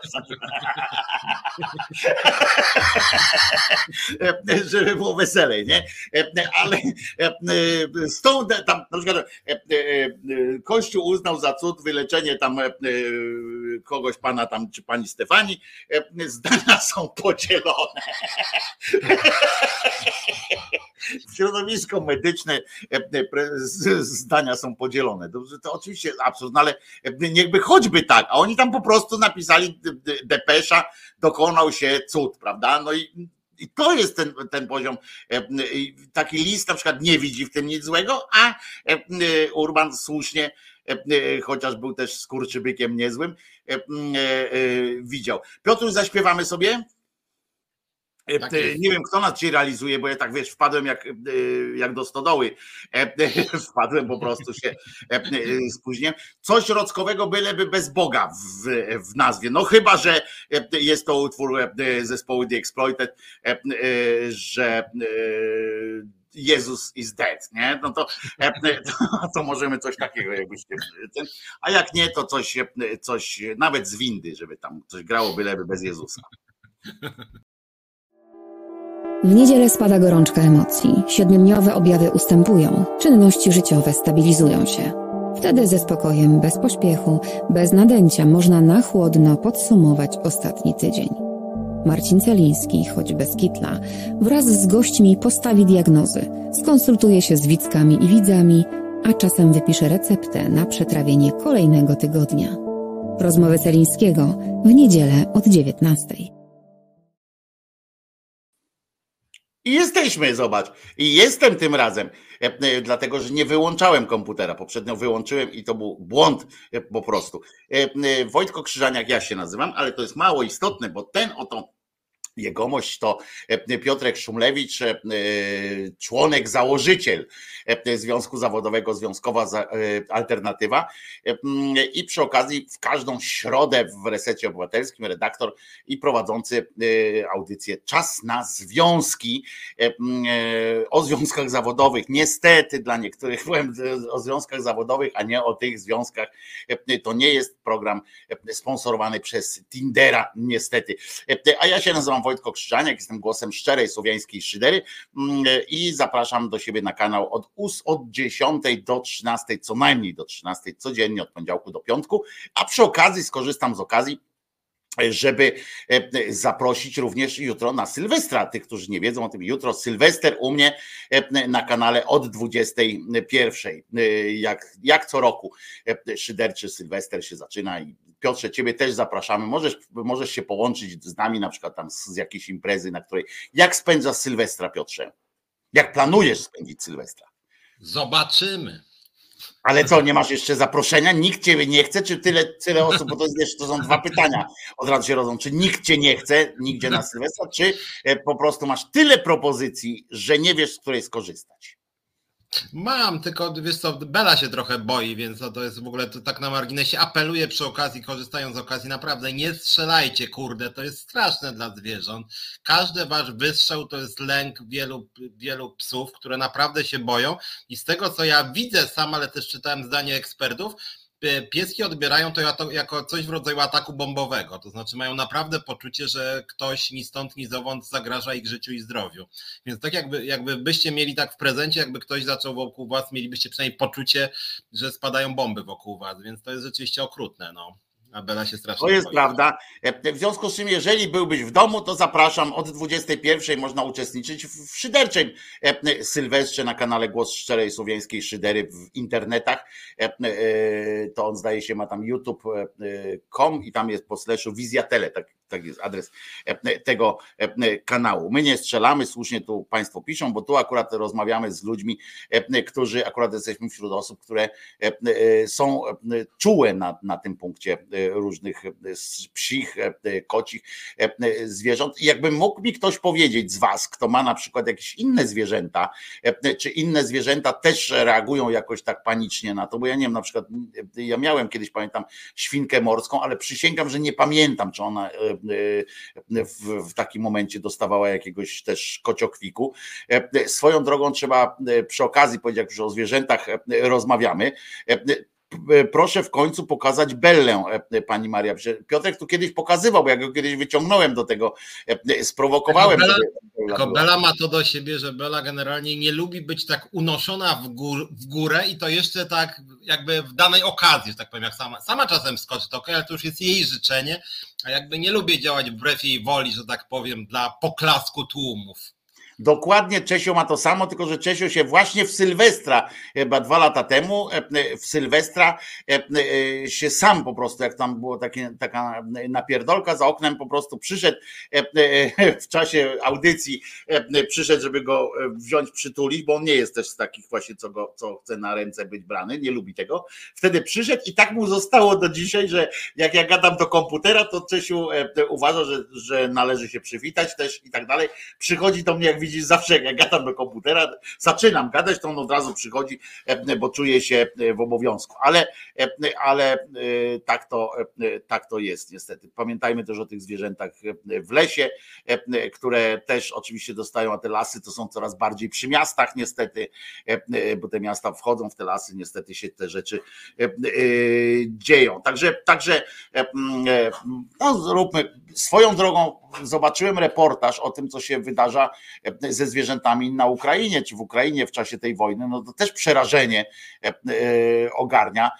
Te zwierzęta, pamiętajcie, że mają taki ostrzał po prostu, takiego sylwestra e, e, prawdziwego, w tym sensie, że tam naprawdę jeszcze odłamki latają. Mm, mają teraz codziennie. A to, co usłyszałem, że w którymś z tych miast ogród zoologiczny został e, zjedzony przez armię radziecką, e, e, to, to w ogóle jakiś, jakiś kuriozum. Wpadli do, do, do, obozu, do tego, do obozu, no bo to też to są ogrody zoologiczne, to często takie tamten, ale wpadli do ogrodu zoologicznego i zjedli tamtejszy inwentarz, nie? No to i został, ostał się jakiś miś który był pewnie za silny, czy nie wiem, e, co, co zrobił, ostał się z jednego e, z, z tych e, ogrodów zoologicznych, ostał się miś po prostu.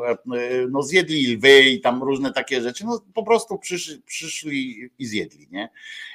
Samo w sobie nie jest jakby, wiesz, bo my tak oczywiście patrzymy, to też o nas dużo świadczy, nie? Że my tak patrzymy, że jak przyszli, zjedli z ogrodu zoologicznego. No jak my kupimy w Tesco, rozumiesz, to jest już okej, okay, nie? Jak my zjemy z chaboszczaka z Tesco, to okej, okay, a oni zjedli e, lwa, to, to jest źle. To, to samo w sobie oczywiście też jest głupie, o nas głupio świadczy, ale, e, ale jest coś wstrząsającego z tym, że jak idzie jakaś e, idzie jak, jakaś taka, wiesz, taki oddział przez, przez ten, tak jak te mrówki, te takie są takie mrówki, prawda?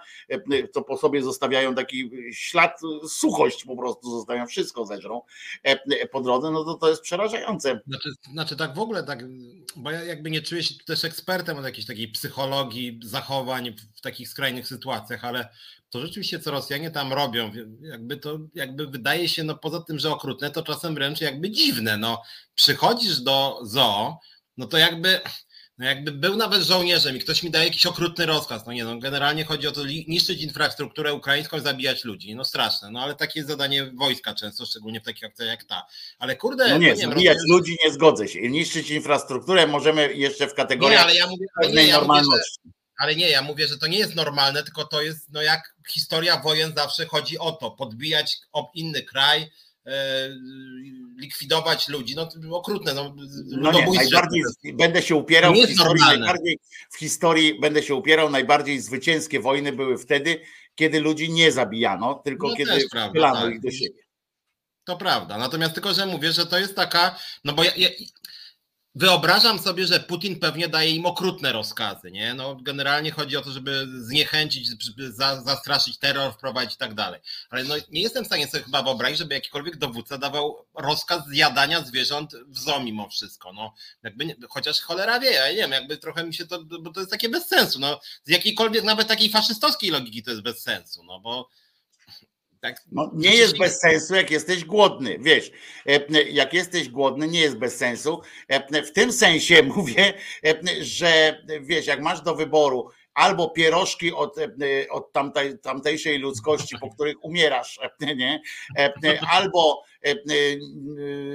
lwa, który jest i którego masz dosyć duże prawdopodobieństwo, jest, że być może nie jest smaczny, być może jest żylasty, ale nie trujący, E, e, no to po prostu zabijasz lwa, prawda? I, mm, i wpierniczasz lwa. Z takiego punktu widzenia e, można powiedzieć. To jest, to jest, wiesz, no, dla mnie mi to bardziej pokazuje o kondycji w ogóle ludzkości tamtejszej, bo, bo oczywiście możemy usprawiedliwiać każdego, kto idzie głodny, tak, że, że patrzy, jest coś do zjedzenia, to to zje. I tutaj nie ma wątpliwości, tak? Jak, jak idziesz, jest coś do jedzenia, ty to chcesz jeść, no to jesz. Ale to też świadczy o pewnym, o pewnym takim zwyrodnieniu całej tej akcji. Wiesz, to pokazuje całą tę akcję. Ci ludzie, mama kozy Przewojtek to fake news, te zwierzęta ewakuowano do ZOWE w Wrocławiu. Ja się bardzo cieszę, że to E, że to piszesz, e, tylko że zanim zakwalifikujesz coś do fake newsa, e, to po prostu trzeba głębiej sprawdzić, tak? Nie te zwierzęta ewakuowano do zoo we Wrocławiu, tylko część zwierząt z całego terytorium Ukrainy. I to nie jest, to nie jest E, e, fake news, e, bo to, że dwa lwy udało się skądś przetransportować, a trzeci został zjedzony, to jakby nie zmienia to całej materii rzeczy, że, że udało się jakiegoś lwa przetransportować, no to nie znaczy, że tamte nie zostały zjedzone. To, to po pierwsze.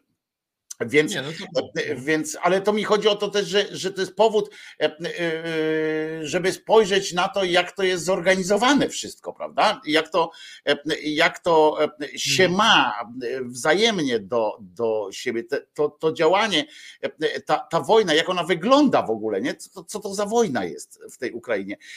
Bo, że tam nie ma jakiegoś elementu cywilizacyjnego w tym wszystkim. Nie wiem, czy się zgodzić. To jest, znaczy, jest element cywilizacyjny wojny cywilizacji, o tak bym powiedział e, e, e, po prostu, że to jest taka czysta nienawiść, czysta, czysta jakaś taka chęć, bo, bo często się ich po, po, porównuje z Hunami i tak dalej, no ale oni tam mieli swój imperatyw, poza tym to było no jednak wieki temu, gdzie jeszcze nie było wiadomo pewnych rzeczy natomiast no tutaj mówię, ja jestem wstrząśnięty e, tym, że to się wpisuje, wiesz, w ten szereg, bo gdyby to było tylko to, tak, że te zwierzęta tam jedzą, no to, to, to ale to się wpisuje razem w te e, właśnie z tymi gwałtami, z tą dziczą taką, to, to jest, no to jest nie do, nie, nie do obrony, prawda? Nie, nie, to, tego się nie da zakwalifikować, bo, bo nawet za to, no bo co, to jest tak jak w tej byłej Jugosławii, tak? Tam się działy te, te rzeczy. De facto ludzie dalej z tym żyją i musimy się, musimy się jakby przygotować na coś takiego, że ci ludzie będą dalej z tym żyli, bo w tej byłej Jugosławii Osądzono oczywiście tam największych dowódców, jakichś e, wielu zostało samosądem, tak, jakich dorwali, e, to czy Bośniacy, czy Chorwaci, czy Słoweńcy tam zabijali po prostu takich, co ich wyłapali, tak, że, że był jakimś tam e, bez, grubo, grubo kolesiem jadącym w tych obozach, ale generalnie to ci ludzie gdzieś wrócili do siebie, tak? Bo, bo to nie było tak, że dowódca chodził i zabijał tych, tych ludzi tylko i że tam, tam, tam, tam to, to zapanował taki, wiesz, jak ten, idzie ten oddział tych e, rosyjskich soldatów, to oni, część z nich wróci do domu. Mhm. Oni mają e, w wełbach mają przewalone już. To, to, to, to, to nie można być normalnym. A, a, a, te przypadki, jak jakieś oczywiście pojedyncze osoby, ale jak jakaś tam kobieta radziła mężowi, żeby gwałcił Ukrainki, no takie to są takie. No, no takie więc rzeczy... właśnie ja mówię, ci ludzie wrócą, ci ludzie to są, stanowią e, część społeczeństwa i pamiętajmy, że to nie są setki ludzi. To są dziesiątki tysięcy ludzi, którzy, e, którzy e, będą mieli na swoich, e, ja ich nie, żeby było jasne, ja ich nie żałuję, to nie chodzi o to, że ja teraz mówię, ojej, co im się stało w te głowy, że oni będą musieli z tym żyć. Ja, ja nie, chodzi bardziej o to, co się stanie ze społeczeństwem E, e, po prostu e, potem, jeżeli część społeczeństwa będzie musiało sobie odpowiedzieć, rosyjskiego, będzie musiało sobie odpowiedzieć na pytanie, to takie bardziej wrażliwe, bo tam też są różni ludzie przecież, odpowiedzieć, że kurwa, ja byłem za tym, żeby, żeby szli, żeby, żeby to robili, prawda? Też będziecie musieli odpowiedzieć. To jest, to jest bardzo ciekawe, będzie poligon walki socjologicznej, tak? To będzie, to będzie takie no, wielki eksperyment, jakby to źle nie zabrzmiało teraz, to jest wielki eksperyment psychologiczny i, i, i socjologiczny, prawda? Ten, który się będzie odbywał. Natomiast ja rzeczywiście jakby staram się za dużo nie mówić o wojnie, nie czuję się też ekspertem od wojny i nie lubię tych polskich skrzypczaków, którzy jakieś moim zdaniem bzdury często mówią. Znaczy zazwyczaj im się nie sprawdza to, co mówią. Jestem jednocześnie, więc nie chcę epatować za bardzo, bo nie jestem optymistą i uważam, że ta wojna będzie trwała pewnie bardzo długo. I bardzo aż, się, aż się fabryki zwrócą wszystkie broni, nie? Tak, więc ja tu jestem pesymistą. Rosja ładuje w to miliardy, Ukraina od zachodu dostaje miliardy i trudno też się dziwić. No i generalnie bardzo dużo broni się marnuje, dużo ludzi umiera. Jakby niestety sporo wskazuje na to, że to tak będzie sobie, że tak powiem, trwało. Część opinii światowej się tym znudzi. I oczywiście na przykład w interesie Polski, obywateli polskich, obywateli Francji, obywateli Niemiec jest na przykład to, żeby całkowicie przesterować swoją gospodarkę i uniezależnić się na przykład od energii rosyjskiej. Natomiast jeżeli to się uda, no to będzie jasny sygnał, no i część zacznie mówić, no dobra, to co nas w ogóle ta wojna obchodzi? Gospodarka wraca do normy, udało nam się błyskawicznie przekierować gospodarkę, Rosja ma może naskoczyć, no to tam się wy, wyżynajcie się, nie? E, I niestety się obawiam, że to troszeczkę mam wrażenie w tym kierunku idzie, że no też jakby to powiedzieć, no chciałoby się być dziennikarz, no dobrze, to ile my możemy o tej wojnie już gadać? W pewnym momencie na początku to było tak, że 24 godziny na dobę praktycznie we wszystkich TVN-ach, Polsatach i innych, a teraz to już tak, no tam, nie wiem, czwarty materiał, siódmy materiał, no dzisiaj zginęło kolejne tam tysiąc osób, dzisiaj tam kolejne jakieś okrucieństwa wyszły na jaw, no więc następuje taka, żeby było jasne, to jest w pewnym sensie psychologicznie zrozumiałe, że ludzie na przykład już nie chcą bez przerwy tą wojnę, tego okrucieństwa. No i tak to się kręci, więc ja tu niestety jestem, że tak powiem, pesymistą i mam wrażenie, bo też y, rozmawialiśmy o tym nieraz, że polska widownia jest częstowana, że Ukraina już wygrywa i tak sobie wygrywa i wygrywa, a cały czas dysproporcja jest na korzyść Rosjan, no jest silniejsza, gdyby nie pomoc zachodnia, to Ukraina już by dawno przegrała, y, a tak to walczy bardzo bojowo, ale, ale to moim zdaniem będzie strasznie dużo trwa, długo trwało i będą potworne zniszczenia niestety. Ta, y, ta y, kwestia tych, ja u siebie w audycji też rozpinałem, że kwestia tego permanentnych y, szeregu zwycięstw ukraińskich prowadzących do wycofywania się, czy coś takiego przez jakiś czas było, to, że, to, że, że cały czas mówi się o tym, że Ukraińcy wygrywają, wygrywają pasmo sukcesów, tak prowadzące do, do, do przegranej, to, to jest oczywiste, to jest po to, żeby jakby w ludziach nie gasił się ogień, tak? Bo, bo e, to jest też taka psychologiczna zasada, że jeżeli by Ukraina przegrywała e, tę wojnę, to ludzkość się od niej odwróci. E, w sensie politycznym, w sensie takim, wiesz, gospodarze pomyślą, że na wszelki wypadek lepiej być zawsze silniejszym. To jest w nas, to jest po prostu, wiesz, to jednostki by potem krzyczały, że, że nie, że nie, ale, ale generalnie jako społeczeństwo byśmy, jako społeczeństwa byśmy szli bardziej w tym, żeby siebie zabezpieczyć, żeby coś tam, ale żeby nie, nie przykładać wkładać, już nie marnować na przykład pieniędzy, nie marnować potencjału. E, wiecie, gdyby e, Ukraińcy nie przekonywali e, tak zwanego narodu amerykańskiego, ja wiem, że nie ma czegoś takiego, społeczeństwa amerykańskiego, o tym, że warto w nich inwestować, że warto im dawać pieniądze, bo oni robią z tego coś dobrego i Ruska biją przede wszystkim, co zawsze u Amerykanów jest dobre, że jak ktoś bije Ruska albo Chińczyka, to jest ok. E, e, I e, gdyby nie te przekonywania, to społeczeństwo amerykańskie by nie pozwoliło Bidenowi na wrzucanie kolejnych miliardów tam. To jest, to jest takie, to jest jedno, wiecie, to jest, to po prostu się się samo, napędza, samo potwierdzające się reguły i tak dalej się tworzy. E, e, ja też jestem, wiesz, no jest zima, no, e, my tutaj się cieszymy dodatnimi temperaturami. Ja specjalnie, przepraszam Piotrze, że w naszym takim trochę lżejszym tonie programie wracam do tego, no bo to jest ostatni program w tym roku i trudno troszeczkę w takim naszym stylu, nie żeby analizę przeprowadzić, wiesz, strategii takiej czy śmakiej, czy jak będzie dwa patrioty, to będzie będą stały po tej stronie czy po tej, to coś zmieni. Tylko żebyśmy pamiętali, że kurczę, że to jednak jest jednak jest no, strasznie niefajna sytuacja i że tam gdzieś właśnie my tu będziemy, wiecie, się zastanawiali, czy, czy warto pieprznąć tym fajerwerkiem i co to zrobi naszym pieskom, a tam są no, dużo poważniejsze klimaty, tak? I mm, nie mówię, żebyśmy zaraz wyrwali sobie wątroby i tak dalej, bo to nie nasza wina jest, prawda? To nie jest tak, że my się przyczyniamy do tego, ale po prostu warto czasami sobie o tym pomyśleć i mm, mieć w dupie te teksty typu E, e, które będą się pojawiały, że jak będziecie widzieli ten gównoklik, to pamiętajcie, że w portalach te teksty wszystkie takie, które będą opowiadały o tych żołnierzach w okopach i tak dalej, e, to oni tego nie robią po to, żeby wam było lepiej, żeby Ukraińcom było lepiej, tylko żeby na tym bezczelnie mm, zarobić po prostu i bezczelnie się tym jakby napędzać, bo to taka ode mnie taka uwaga, tylko tak całkowicie nie ten. Może coś chcesz jeszcze do tego dodać, czy nie? Ja się zgadzam. Ja mówię, ja nie chcę za długo wojnie mówić. Znaczy, stanowisko etyczne, no mam jasne, oczywiste podzielam Twoją opinię. Optymistą nie jestem, solidaryzuję się z Ukraińcami. Tak na marginesie pomoc Polaków dla Ukraińców też mam wrażenie jest, czy była, bo już jest moim zdaniem coraz mniej, e, w dużej mierze podszyta po prostu niechęcią do Rosji. Mam wrażenie, że czasem nie zmienia, że była, że ta pomoc od części społeczeństwa była, ale mam wrażenie, że czasem to jest tak, że pomożemy tym Ukraińcom, którzy są część tak protekcjonalnie też są trochę od nas niżej, ale tutaj akurat pokażemy ruskim, nie?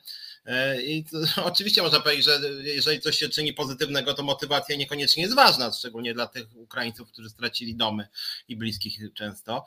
Natomiast mam też wrażenie, że potem ona jest tak na takich kruchych podstawach, to co już rozmawialiśmy, ja czasem widzę, szczególnie niestety media społecznościowe czasem wypaczają może obraz w złym kierunku, ale niestety czasem widzę takie naprawdę ukrainofobiczne, ksenofobiczne filmiki czy wpisy, które mają od cholery lajków i udostępnień, co jest no straszne dosyć, a to jest i boję się, że będzie tego coraz więcej.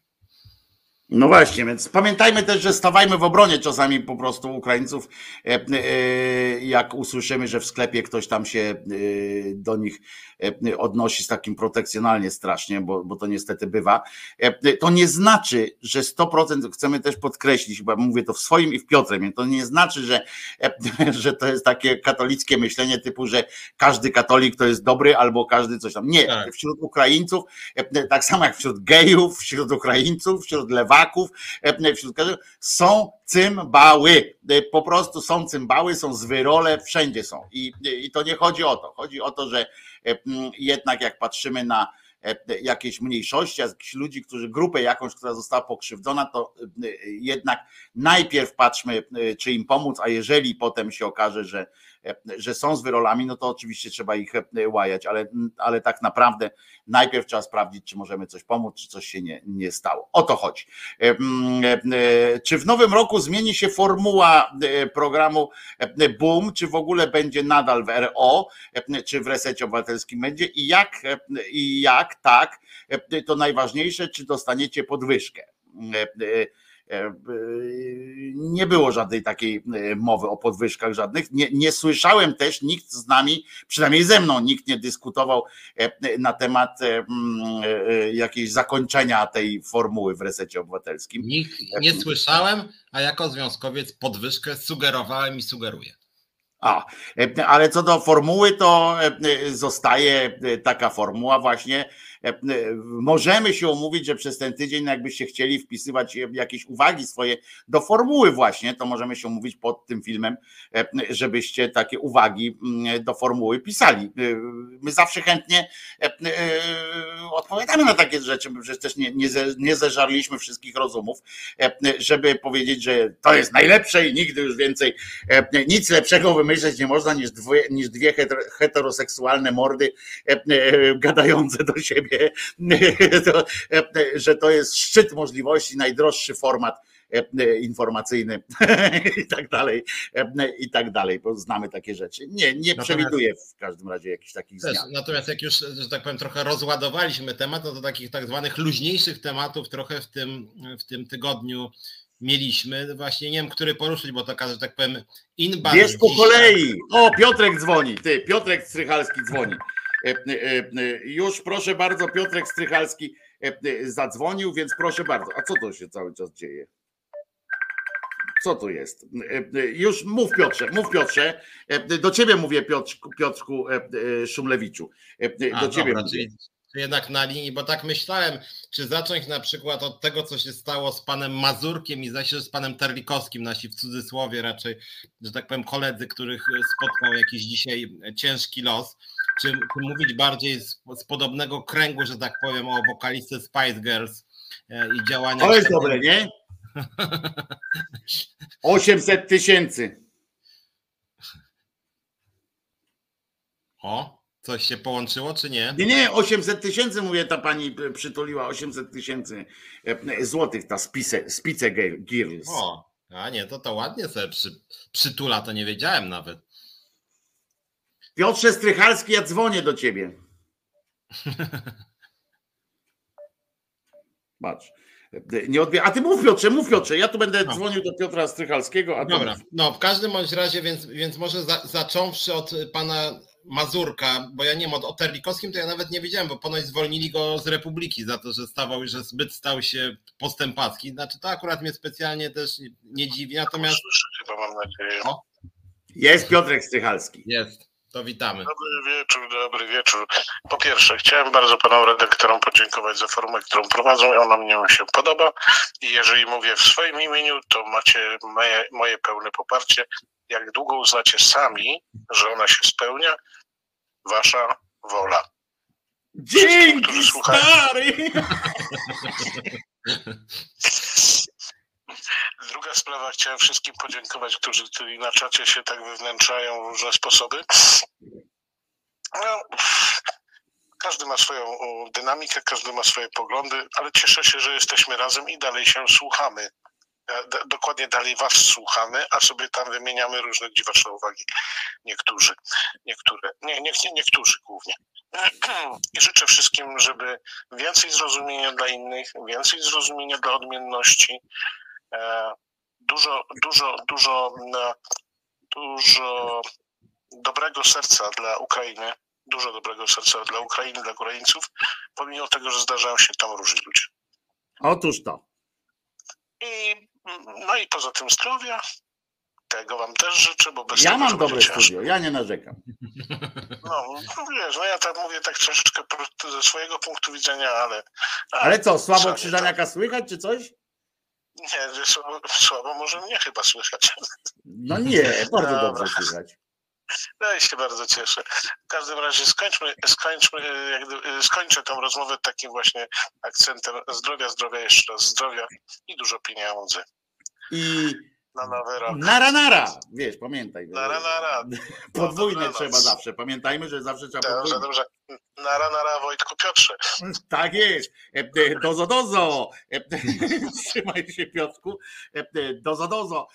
A o co chodzi z tym Terlikowskim, że go zwolniono? Skąd? Terlikowski, Terlikowski skryty. przedstawia wszędzie teraz jako Tomasz Terlikowski, RMFFM. No to gdzie on się... No bo Terlikowski, jak wiesz, skrytykował Czarnka, tam się poróżnili, Terlikowski jest teraz wszędzie zapraszany jako ten, który ponoć był radykałem katolickim, a teraz już rzekomo nie jest radykałem katolickim, chociaż nigdy nie mówił o jakiejś radykalnej zmianie poglądów. Natomiast kilka godzin po krytyce Czarnka zerwała z nim współpracę Telewizja Republika i Niezależna.pl. Zwolnili go z Republiki. On tam był w tej tak. Republice. Ja nawet nie wiedziałem, że on tam pracował w tej TVP. Ja też nie byłem pewien, ale ponoć właśnie, że, y, że sam napisał, że zerwano współpracę, bo jest hipokrytą i chce zwalczać pedofilię tylko w kościele. Tak to napisał sam pan Terlikowski, teraz tak sobie otworzyłem, Telewizja Republika zawiesiła mój program, nie ona jedna przerwała współpracę, no i później o tym, że właśnie też ta niezależna P. No to widok i to jest trochę historia taka sama jak z tym Mazurkiem, bo przyznam szczerze, aż tak jakoś mi jest ich strasznie nie żal. Z Mazurkiem nie przedłużono umowy w Polskim Radiu, więc sensu strictego nie zwolniono, chociaż on twierdzi, że już miał jakiś nowy kontrakt, którym, którym go, bo miał do końca grudnia, E, i go i nie przedłużyli mi ponoć. No i Mazurka napisali, że on ośmielił się skrytykować, e, jakby to powiedzieć, właśnie e, to miejsce, z którego sam czerpie profity, czyli, czyli media publiczne, że on tam w RMF FM, a on właściwie z tego co ja widzę w ogóle chyba nie skrytykował, tylko zadał pytanie gościowi z PiSu, czy to nie jest za dużo te 2 miliardy 700. I teraz, i teraz Mazurek robi z siebie wielkiego sierpiętnika, że go tak chamsko potraktowali, jak mogli w radiu publicznym, pluralistycznym wyrzucić pana Mazurka. Poczekaj, poczekaj, poczekaj, czekaj, czekaj, czekaj. Czyli Robert Mazurek, RMFFM, Pracował w TVP, w tym, w, programie Polskiego Radia Publicznego? Tak. I, i, I został dzisiaj zwolniony, znaczy nie, nie zwolniony, bo miał umowę do końca grudnia i, i, i mu nie przedłużyli. On powiedział, że to jest skandal, jak tak można, już tej pani to ja nie nazwę, jak ona tam jest szefową i jak, jak to tak można. No i generalnie się strasznie oburzył i wszystkie media o tym napisały. Czyli on pracuje, pracował jednocześnie w RMF-ie i w, w publicznym, tak? Radiu? Tak. Jednocześnie. Tak, no tak, potem... tak, jak, tak jak Ziemiec. No nie, no Ziemiec, wiesz, przynajmniej pracował w telewizji polskiej i w tak, radiu, tak. rozumiesz? Tak. No to trochę jest różnica. Wojciech Czajkowski nam chce coś okłamać nas. No nie okłamać, kurwa, nie mogę zadzwonić do was, no. Ale się dodzwoniłeś i marnujesz czas na, na, na rzucanie kurwa. Nie, to, słuchaj, ja od, od paru miesięcy poświęcam ci trzy godziny rano. O, zarypiaście. No, chociaż jestem wiesz, praktykującym jazzmenem i kompozytorem i, i jak, jakbyś mógł zapuścić e, e, albo moich przyjaciół Timex, albo Freak Operation, to musisz mi napisać SMS, musisz mi napisać na Messengera albo na maila, a poza tym tu jest reset obywatelski, więc tu jest inna sytuacja. Nie, ale oprócz tego mam partyjne e, plakaty dla ciebie na Messengera i nie mogę się do siebie wbić na Messengera, ponieważ nie mam e, jakby przełożenia. Już się tam mam, ale nie mogę e, z mojego. E, Rozumiem, ale to napisz może, to zacznijmy od tego, że napiszesz mi maila wizjatelemałpa.gmail.com i wtedy przez to załatwimy, dobra? I potem nawiążemy tak zwaną relację i wtedy już pogadamy też na Messengerze i tak dalej. Wizja. Wizja tele. Wizja tele, bez kropek. Bez kropek, bez niczego. Wizja tele, tak jak telewizja, tylko odwrotnie, wiesz. Wizja tele, małpka gmail.com. Dobra. No, A teraz coś powiedz mi, Wojciechu, coś chciałeś do nas jeszcze ogólnie tutaj do resetu, czy. Nie, ale, parę razy chciałem, żebyś puścił e, coś e, Cream albo Jimmy Hendrixa. No tutaj nie, tutaj nie. Tu jest reset obywatelski, tu ja nie mam e, w ogóle wpływu nie, na playlist. Ja, nie, ja mówię o tych twoich. A, rozumiem. Dobra. Dobra, ale to tam do mnie też można zadzwonić, więc zapraszam, zapraszam do dzwonienia do mnie, to zapraszam w, od poniedziałku do piątku, od 10 do ponad 13. No, no, dobra. Czyli jak wizja wcale, to, to nie muszę nic tam pierdolić, tylko to samo wyjdzie, tak? Dobrze, tak jest. No wizja tele, ale kom jakiś tam jeszcze? gmail.com, gmail.com. Jo, jo, jo, jo, jo, jo, jo, dobra. Jo. No to, no to wiesz, no, no póki co i tak będę do was jutro dzwonił, bo pewnie Sylwester. No, jutro Sylwestra koniecznie zapraszamy. Tylko bigosu trochę zjedz. I mocna no, kawa. No nie, tutaj przyjechał milioner z Ameryki i mi przywiózł trochę gorzawy, rozumiesz? I ciastka których nie bardzo, ale takie ciastka chętnie ci je przesłał do Gdyni, bo kurwa, takie ciastka kupił, więc wypasione. No, no nic. Wojciech, Wojciech, no poczekaj, teraz jest reset obywatelski, napisz do mnie maila, będziemy w kontakcie i już. Jest, okay? baczność, baczność. Trzymaj się. Hej, e, dzięki Trzymaj kochany. się Wojciechu. Dziękujemy bardziej. E, e, a ja no, na święta w ogóle bigosu nie jadłem, pisze Kimer i, i to się to się wydarzało. Piotruś, mów, no każdym, mów. Tylko powiem, że w każdym razie Mazurek sobie sprawdziłem, miał w dwójce program Mazurek Słucha od 2000, lipca 2020, więc tam, więc ten program traci. Natomiast Terlikowski też traci, więc się pokłócili panowie i panie z prawicy. Tak na marginesie teraz już trochę wiemy, dlaczego te urodziny, czy tam imieniny, chyba urodziny Mazurka były tak huczne i tylu tam polityków też prawicy, bo on też jest w mediach publicznych. Ja faktycznie nawet o tym nie wiedziałem, że on tam ma swoją audycję i w ogóle mm, się tam rozbija. E, natomiast w ogóle te, te, te, te spory w kręgu właśnie Terlikowski, tam Mazurek, to są jakieś takie dziwne spory w rodzinie i mam też pretensje, no, mówiłeś wcześniej o tym, jak TVN mówił i mówi co pewien czas jeszcze o Janie Pawle II, to Terlikowski jest po prostu obowiązkowym gościem na każdy temat związany z religią, tam nie ma aborcją, E, pedofilią w kościele, jako jakiś po prostu mega ekspert, po prostu nie zaproszą nigdy kogoś, kto, kogoś, kto tam jest bardziej krytyczny, tylko właśnie Terlikowski. Kto jest krytyczny bez kościoła? Terlikowski myśli sobie, kurde, człowiek myśli, przecież ten człowiek właściwie no, jest adwokatem kościoła pod pewnymi względami w najstraszniejszej no wersji od Idą święta. Terlikowski. Tak. E, bo on jest e, przy, przy zapraszany i jako, e, i jako strona za, i jako przeciw. Obo, zależy od tego, kogo tam akurat potrzebują i w jakiej kwestii. To tak, tutaj Kimer jeszcze mówi, że prawdopodobnie go wywalili za tego czarnka. No tak, tak, tak. No właśnie Piotrek o tym mówił, że on tam czarnkowi podpadł, bo mu powiedział, że że jest z wyrolem ten czarnek, tak? Bo przeczytałem, że czarnek jest z wyrolem. E, e, potem było, że e, Czarnek mu zagroził procesem. Potem ten powiedział, że, się, że odwinął mu się, że a proszę bardzo, tylko że napisał od razu. Ja pierniczę, ja nie wiem, on za darmo tam gdzieś występuje wszędzie w tych wszystkich programach, książki też swoje sprzedaje za darmo, bo on napisał to, co napisał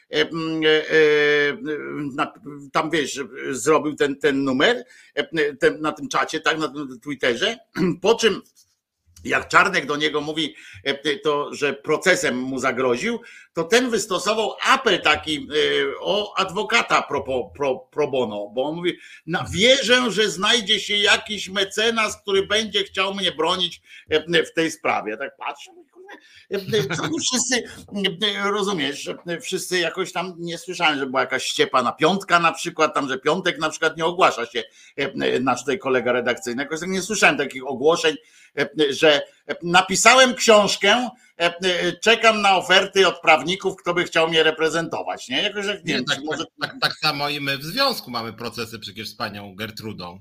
Też, też nie, nie pamiętam. Jakoś nie ma też chyba takich, e, e, takich sytuacji, chyba nie słyszałem też, żebyś mówił tak, no właśnie wystosowujemy tutaj e, protest chętnych prawników, zapraszamy. Konkurs, konkurs który za darmo będzie nas obsługiwał. Tak, który, który dopłaci więcej jeszcze potem może, no, bo przecież na mnie można się wzbogacić, prawda? Potem książkę napisze taki prawnik o tym, jak broniłem Terlikowskiego, nie? To jest jakiś, jakiś obłęd, znaczy ja nie mówię, że nie, no bo jeżeli jest biedny, no naprawdę to, to nie jest tak, że jak ktoś chce, to bardzo proszę, nie? Ale, ale to wiesz, pobili się w rodzinie, rozumiesz, że jakiś tam ten i teraz rozumiesz, kuzyn Piotrek ma, ma bronić, teraz ma, ma się zastanowić, czy on jest bardziej po stronie wujka Ceśka, czy, czy ciotki Elżbiety. Rozumiesz, o co tu chodzi, nie? Przecież to, to wszystko jest jedno towarzystwo, jedna jakaś ta, przy okazji wychodzi zawsze, ja tak, ja tak patrzę, jak taki polski pluralizm, polski pluralizm wychodzi, jak się patrzy na ten RMF, nie? którego ostatnio słuchałem zresztą w radiu, e, e, muzyka jest nie do posłuchania, to jest, to jest nie, nie, nie do przejścia dla, dla człowieka z jakimś takim e, poprzeczką w miarę tam gdzieś nie, nie za wysoko nawet, ale jakoś tak po prostu. No. W samochodzie, jak siadam do samochodu, to nie, nie, nie, nie wsiadam do samochodu jak do filharmonii, ale jednak mam jakieś takie, takie poczucie obłędu, jak, jak mi się RMF włączyło i nie mogłem przełączyć na żadne inne. Ale jak sobie tam pomyślę, tam Ziemiec, Mazurek, Terlikowski, Szczuka, rozumiesz, i tamten, i że oni wszyscy się tam mieszczą i to jest taki polski pluralizm, żeby tak nie na zasadzie jakiejś takiej linii, jakichś tam inteligentnych rzeczy, tylko tak, żeby jakiś tam wyrazisty ktoś był, żeby ktoś był wyrazisty. Za chwilę zatrudnią tam Matczaka. Jestem pewien, że on pracuje właśnie na jakieś takie e, e, coś, żeby zdobyć miano jakiegoś tam, nie wiem, e, będzie wywiady robił, rozumiesz, hmm. tata Maty będzie robił wywiady do RMF-u, bo to by się wpisywało. Albo program Mama z tatą, Mata z tatą Maty na przykład, co tydzień. Żona taty Maty. na przykład, nie? E, e, coś takiego, albo tam, e, jak powiedział tata maty, mata taty, taty maty, nie?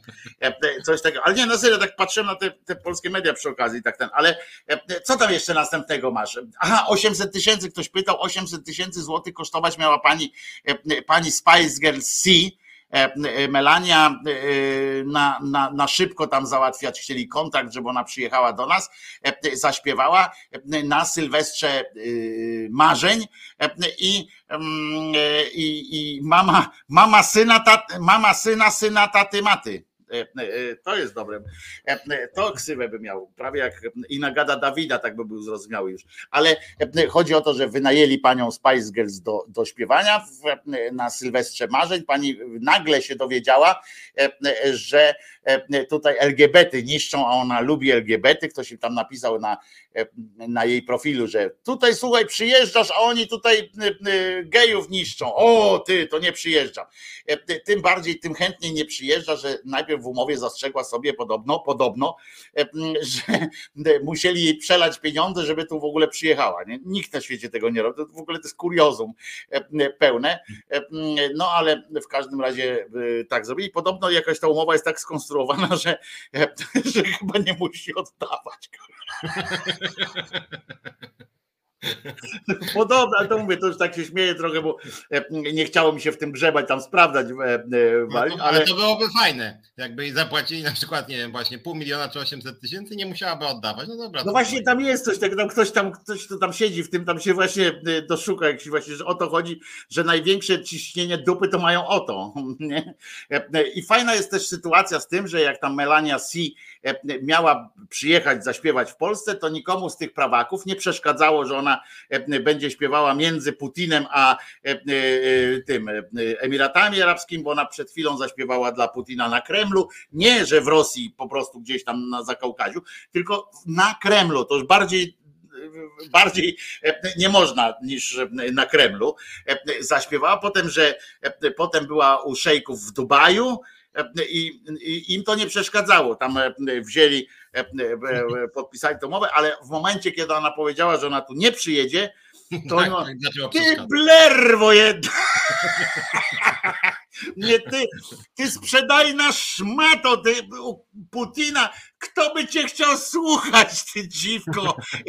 Rozumiecie? Nagle się okazało, że oni e, chcieli prawie, że oni z łaski ją tu chcieli wziąć, żeby właśnie wesprzeć LGBT e, jakimś tym, rozumiecie, ale niewdzięczna suka, e, rozumiecie, odmówiła im te, i Pereira tam będzie e, występował. E, e, Ale tam prace trwają podobno nad zagranicznym, bo tak Polska wstała z kolan, że i Sylwester Marzeń bez udziału zagranicznego wykonawcy.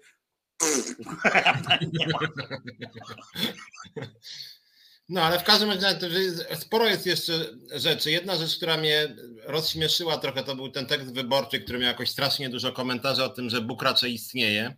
Druga rzecz, która mnie dla odmiany No zaciekawiła. nie był tekst o tym, że Bóg Nie, raczej. nie, ale ja, nie, ja wiem, bo ja przeczytałem ten tekst. To był w ogóle to nie był wcale głupi tekst nawet, tylko że niestety To był zajawka. tekst, tak, tam tylko, tylko zajawka była o tym. Tak, Cały tekst był o tym, że nauka, przypomnijmy, nauka nie ma prawa wykluczyć istnienia Boga, bo jest nauką, a nie teologią. E, I e, po prostu jedna z teorii mówi, że dopóki się nie dowiem, czy go, dopóki nie dojdę do, nie wiem, kamienia filozoficznego, no to trudno będzie mi odpowiedzieć. Tak Aczkolwiek- idzie nauka, no. aczkolwiek też uspokajam dla osób, które przeczytały tylko zajawka, takich chyba było 90% tych, którzy w ogóle zetknęli się z tym tekstem. no Zresztą tym, którzy komentowali, to nawet chyba 100%.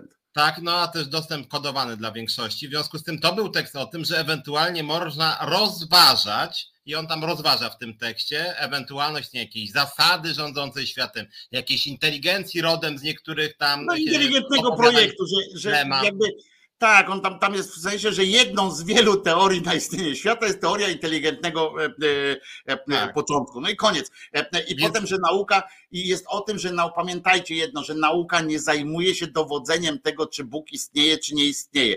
Nauka idzie po prostu e, kolejnymi krokami, korzystając z poprzedniego i ekstrapolując, e, e, tworząc różne Więc nie jest tezą tego tekstu, że na przykład katolicyzm ma rację w czymkolwiek. Nie, w ogóle, że Bóg nie ma racji. w czymkolwiek. Nie ma w ogóle nic takiego. Oczywiście Giertych i inni się zesrali po przeczytaniu tej zajawki, a to w ogóle nie ma nic wspólnego z tym. To jest po prostu Tak, tekst, e, który, e, z którego lit zrobiono gówno klikiem, ale, no ale tak jak się dzisiaj robi to wszystko. No, zresztą nie, tak, nie tylko dzisiaj, bo wszystkie książki, ja przypominam, że jak Gutenberg druk wymyślił, to też nie było tak, że książki wydrukowano, książki drukowano bez tytułu, bez niczego, tylko po prostu ten, nie, też starano się od razu nadać tytuł temu jakiś taki, który by sprowokował do przeczytania czy do wzięcia tej książki do domu, więc to tak zawsze było. Dobra, musimy chyba powoli kończyć. Ja tylko powiem, no nie rozmawialiśmy o tym czarnku, bo merytorycznie pomysł zwolnienia 100 tysięcy nauczycieli w sytuacji, kiedy mamy e, wiele klas przepełnionych, no jest faktycznie dziwnym pomysłem, że tak powiem, no ale Czarnek nie słynie z przyjaźni dla polskiej szkoły, więc to jakby taki kolejny jego twórczy głos o tym, żeby, że już tak w sumie jakby w pewnym szczerze powiedział, bo on w ogóle jakby nauczycieli chyba za bardzo nie lubi, może dlatego, że wzajemnością i to tak się ta relacja nakręca, więc on nie ukrywa tego, że najchętniej to byś tam sporej części nauczycieli po prostu pozbył. On nie, on nie lubi edukacji mm, generalnie jako takiej, ponieważ e, mm, tak zwany, on, chodzi o to, że on chce zwolnić 100 tysięcy ludzi, znaczy na emeryturę, skierować tam, zwolnić, różnie pozbyć się w każdym razie z systemu 100 tysięcy nauczycieli, e, e, e, tłumacząc to niżem demograficznym, który będzie. Oczywiście to jest absurd, to jest kompletne zaprzeczenie jakiegoś takiego sensu, jeżeli byśmy mówili nie tylko w wymiarze takim po prostu finansowym, takim przeliczając edukację na pensję, prawda? Bo i tak szkołę będzie trzeba utrzymać, prądu szkoła nie zużyje mniej przez to, że jest mniej nauczycieli i tak dalej. W związku z czym to zmniejszy się koszt edukacji tej takiej szkoły tylko o pensję, e, o pensję tych pracowników, o nic więcej, prawda? Bo cała reszta będzie musiała istnieć.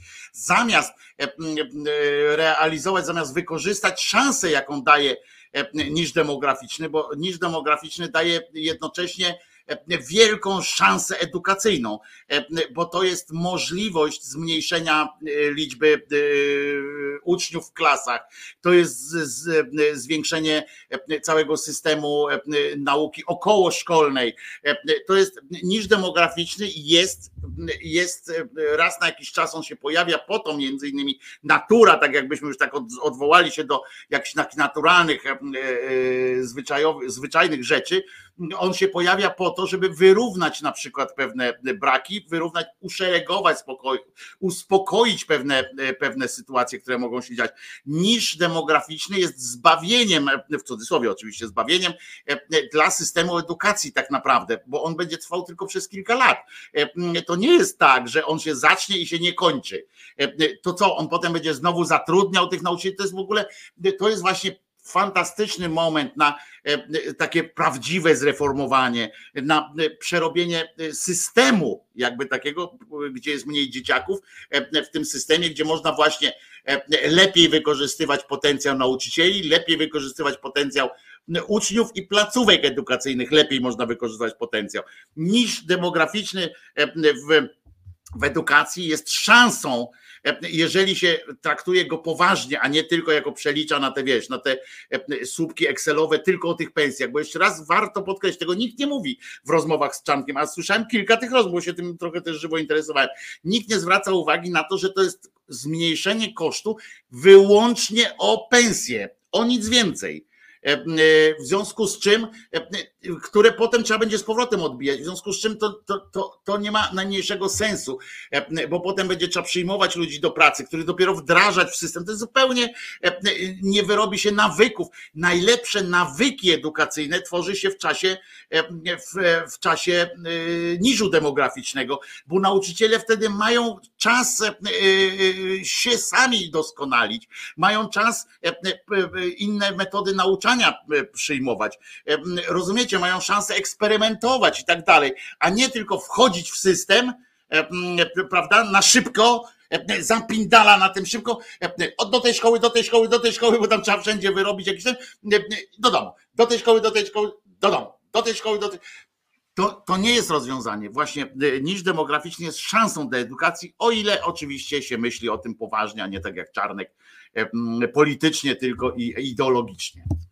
Dziękuję za taką możliwość wygłoszenia y, y, powrotu na chwilę do swojego y, pierwszego zawodu. No ale pełna, pełna zgoda, chociaż ktoś tu słusznie napisał, że opozycja nadzwyczajna nie jest, no ale generalnie Czarnek akurat jest wyjątkowym przykładem, że tak powiem, antyedukacji, czy po prostu jakiejś niechęci. Ale oczywiście, do, że tak. Do dzieci nauczycieli, w związku z tym po nim się niczego dobrego nie można spodziewać. Nie, to w ogóle nie, nie w tych kategoriach, żeby było też jasne, ja nie powiedziałem ani jednego zdania postulatu wobec zachowania pana Czarnka. Ja mówię o systemie, który powinien e, być. Jak po panu Czarnku, tak jak po tej jego poprzedniczce, e, tak jak po Kluzi Krostkowskiej jeszcze wcześniej, bo przypominam, że e, w Polsce edukacja w rękach PiSu jest od jeszcze od Platformy, bo Kluzik Rostkowska to jest osoba, która była szefową kampanii wyborczej Jarosława Kaczyńskiego na prezydenta. Pamiętajmy o tym, więc, więc to nie jest tak, że PiS teraz przejął edukację Piotrusiu, wszystkiego najlepszego Ci życzę na cały przyszły rok. Naszemu realizatorowi też nie wiem, kto dzisiaj realizuje, bo ja naprawdę nie wiem, bo, bo jestem. Towarzysz Maciej. Maciek, Maćku, wszystkiego dobrego. Zresztą całej realizacji też życzymy e, wszystkiego dobrego. E, e, tobie też życzę, no żeby kolejne związkowe sukcesy, ale też w życiu prywatnym.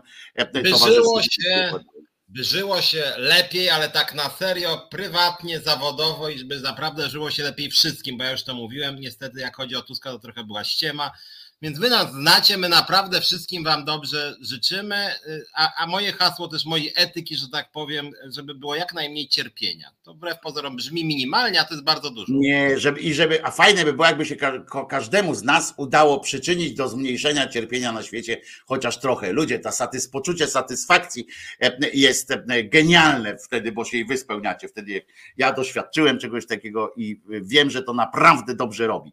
E, na, na, na łeb, na serce, na wszystko. E, więc jeszcze raz wszystkiego dobrego. E, ja zapraszam Was wszystkich z Piotrusiem oczywiście e, też na Sylwestra do siebie, na jutro na głosu Szczerej Słowiańskiej Szydery. Będziemy tu za tydzień i jeżeli macie jakieś tematy, które Waszym zdaniem powinny się, takie wiecie, must have, które powinny się znaleźć w podsumowaniu roku, to oczywiście zapraszamy. Pod tym filmem można wpisywać właśnie takie punkty, tematy, które powinny być. Życzenia od Piotrka wysłane wysłane, ode mnie wysłane, od realizacji, bo tu realizacja coś pisze, więc e, e, a Maciek tylko podziękował, ale domyślam się, że również e, dokłada się do życzeń dla Was wszystkich i no i co? No i bądźmy bezpieczni, zdrowi, i bogaci jak jasna cholera. I e, pomagajmy sobie innym. Bardzo Was lubimy. Piotrusiu, jak zwykle to była e, fantastyczna przyjemność e, z Tobą komentować sobie tydzień. Dziękuję Tobie również za ten rok wspólnej, wspólnej fajnej współpracy i życzę sobie, żeby żebyśmy kontynuowali ładnie. Jak to mówią w telewizji publicznej, żebyśmy kontynuowali dalej.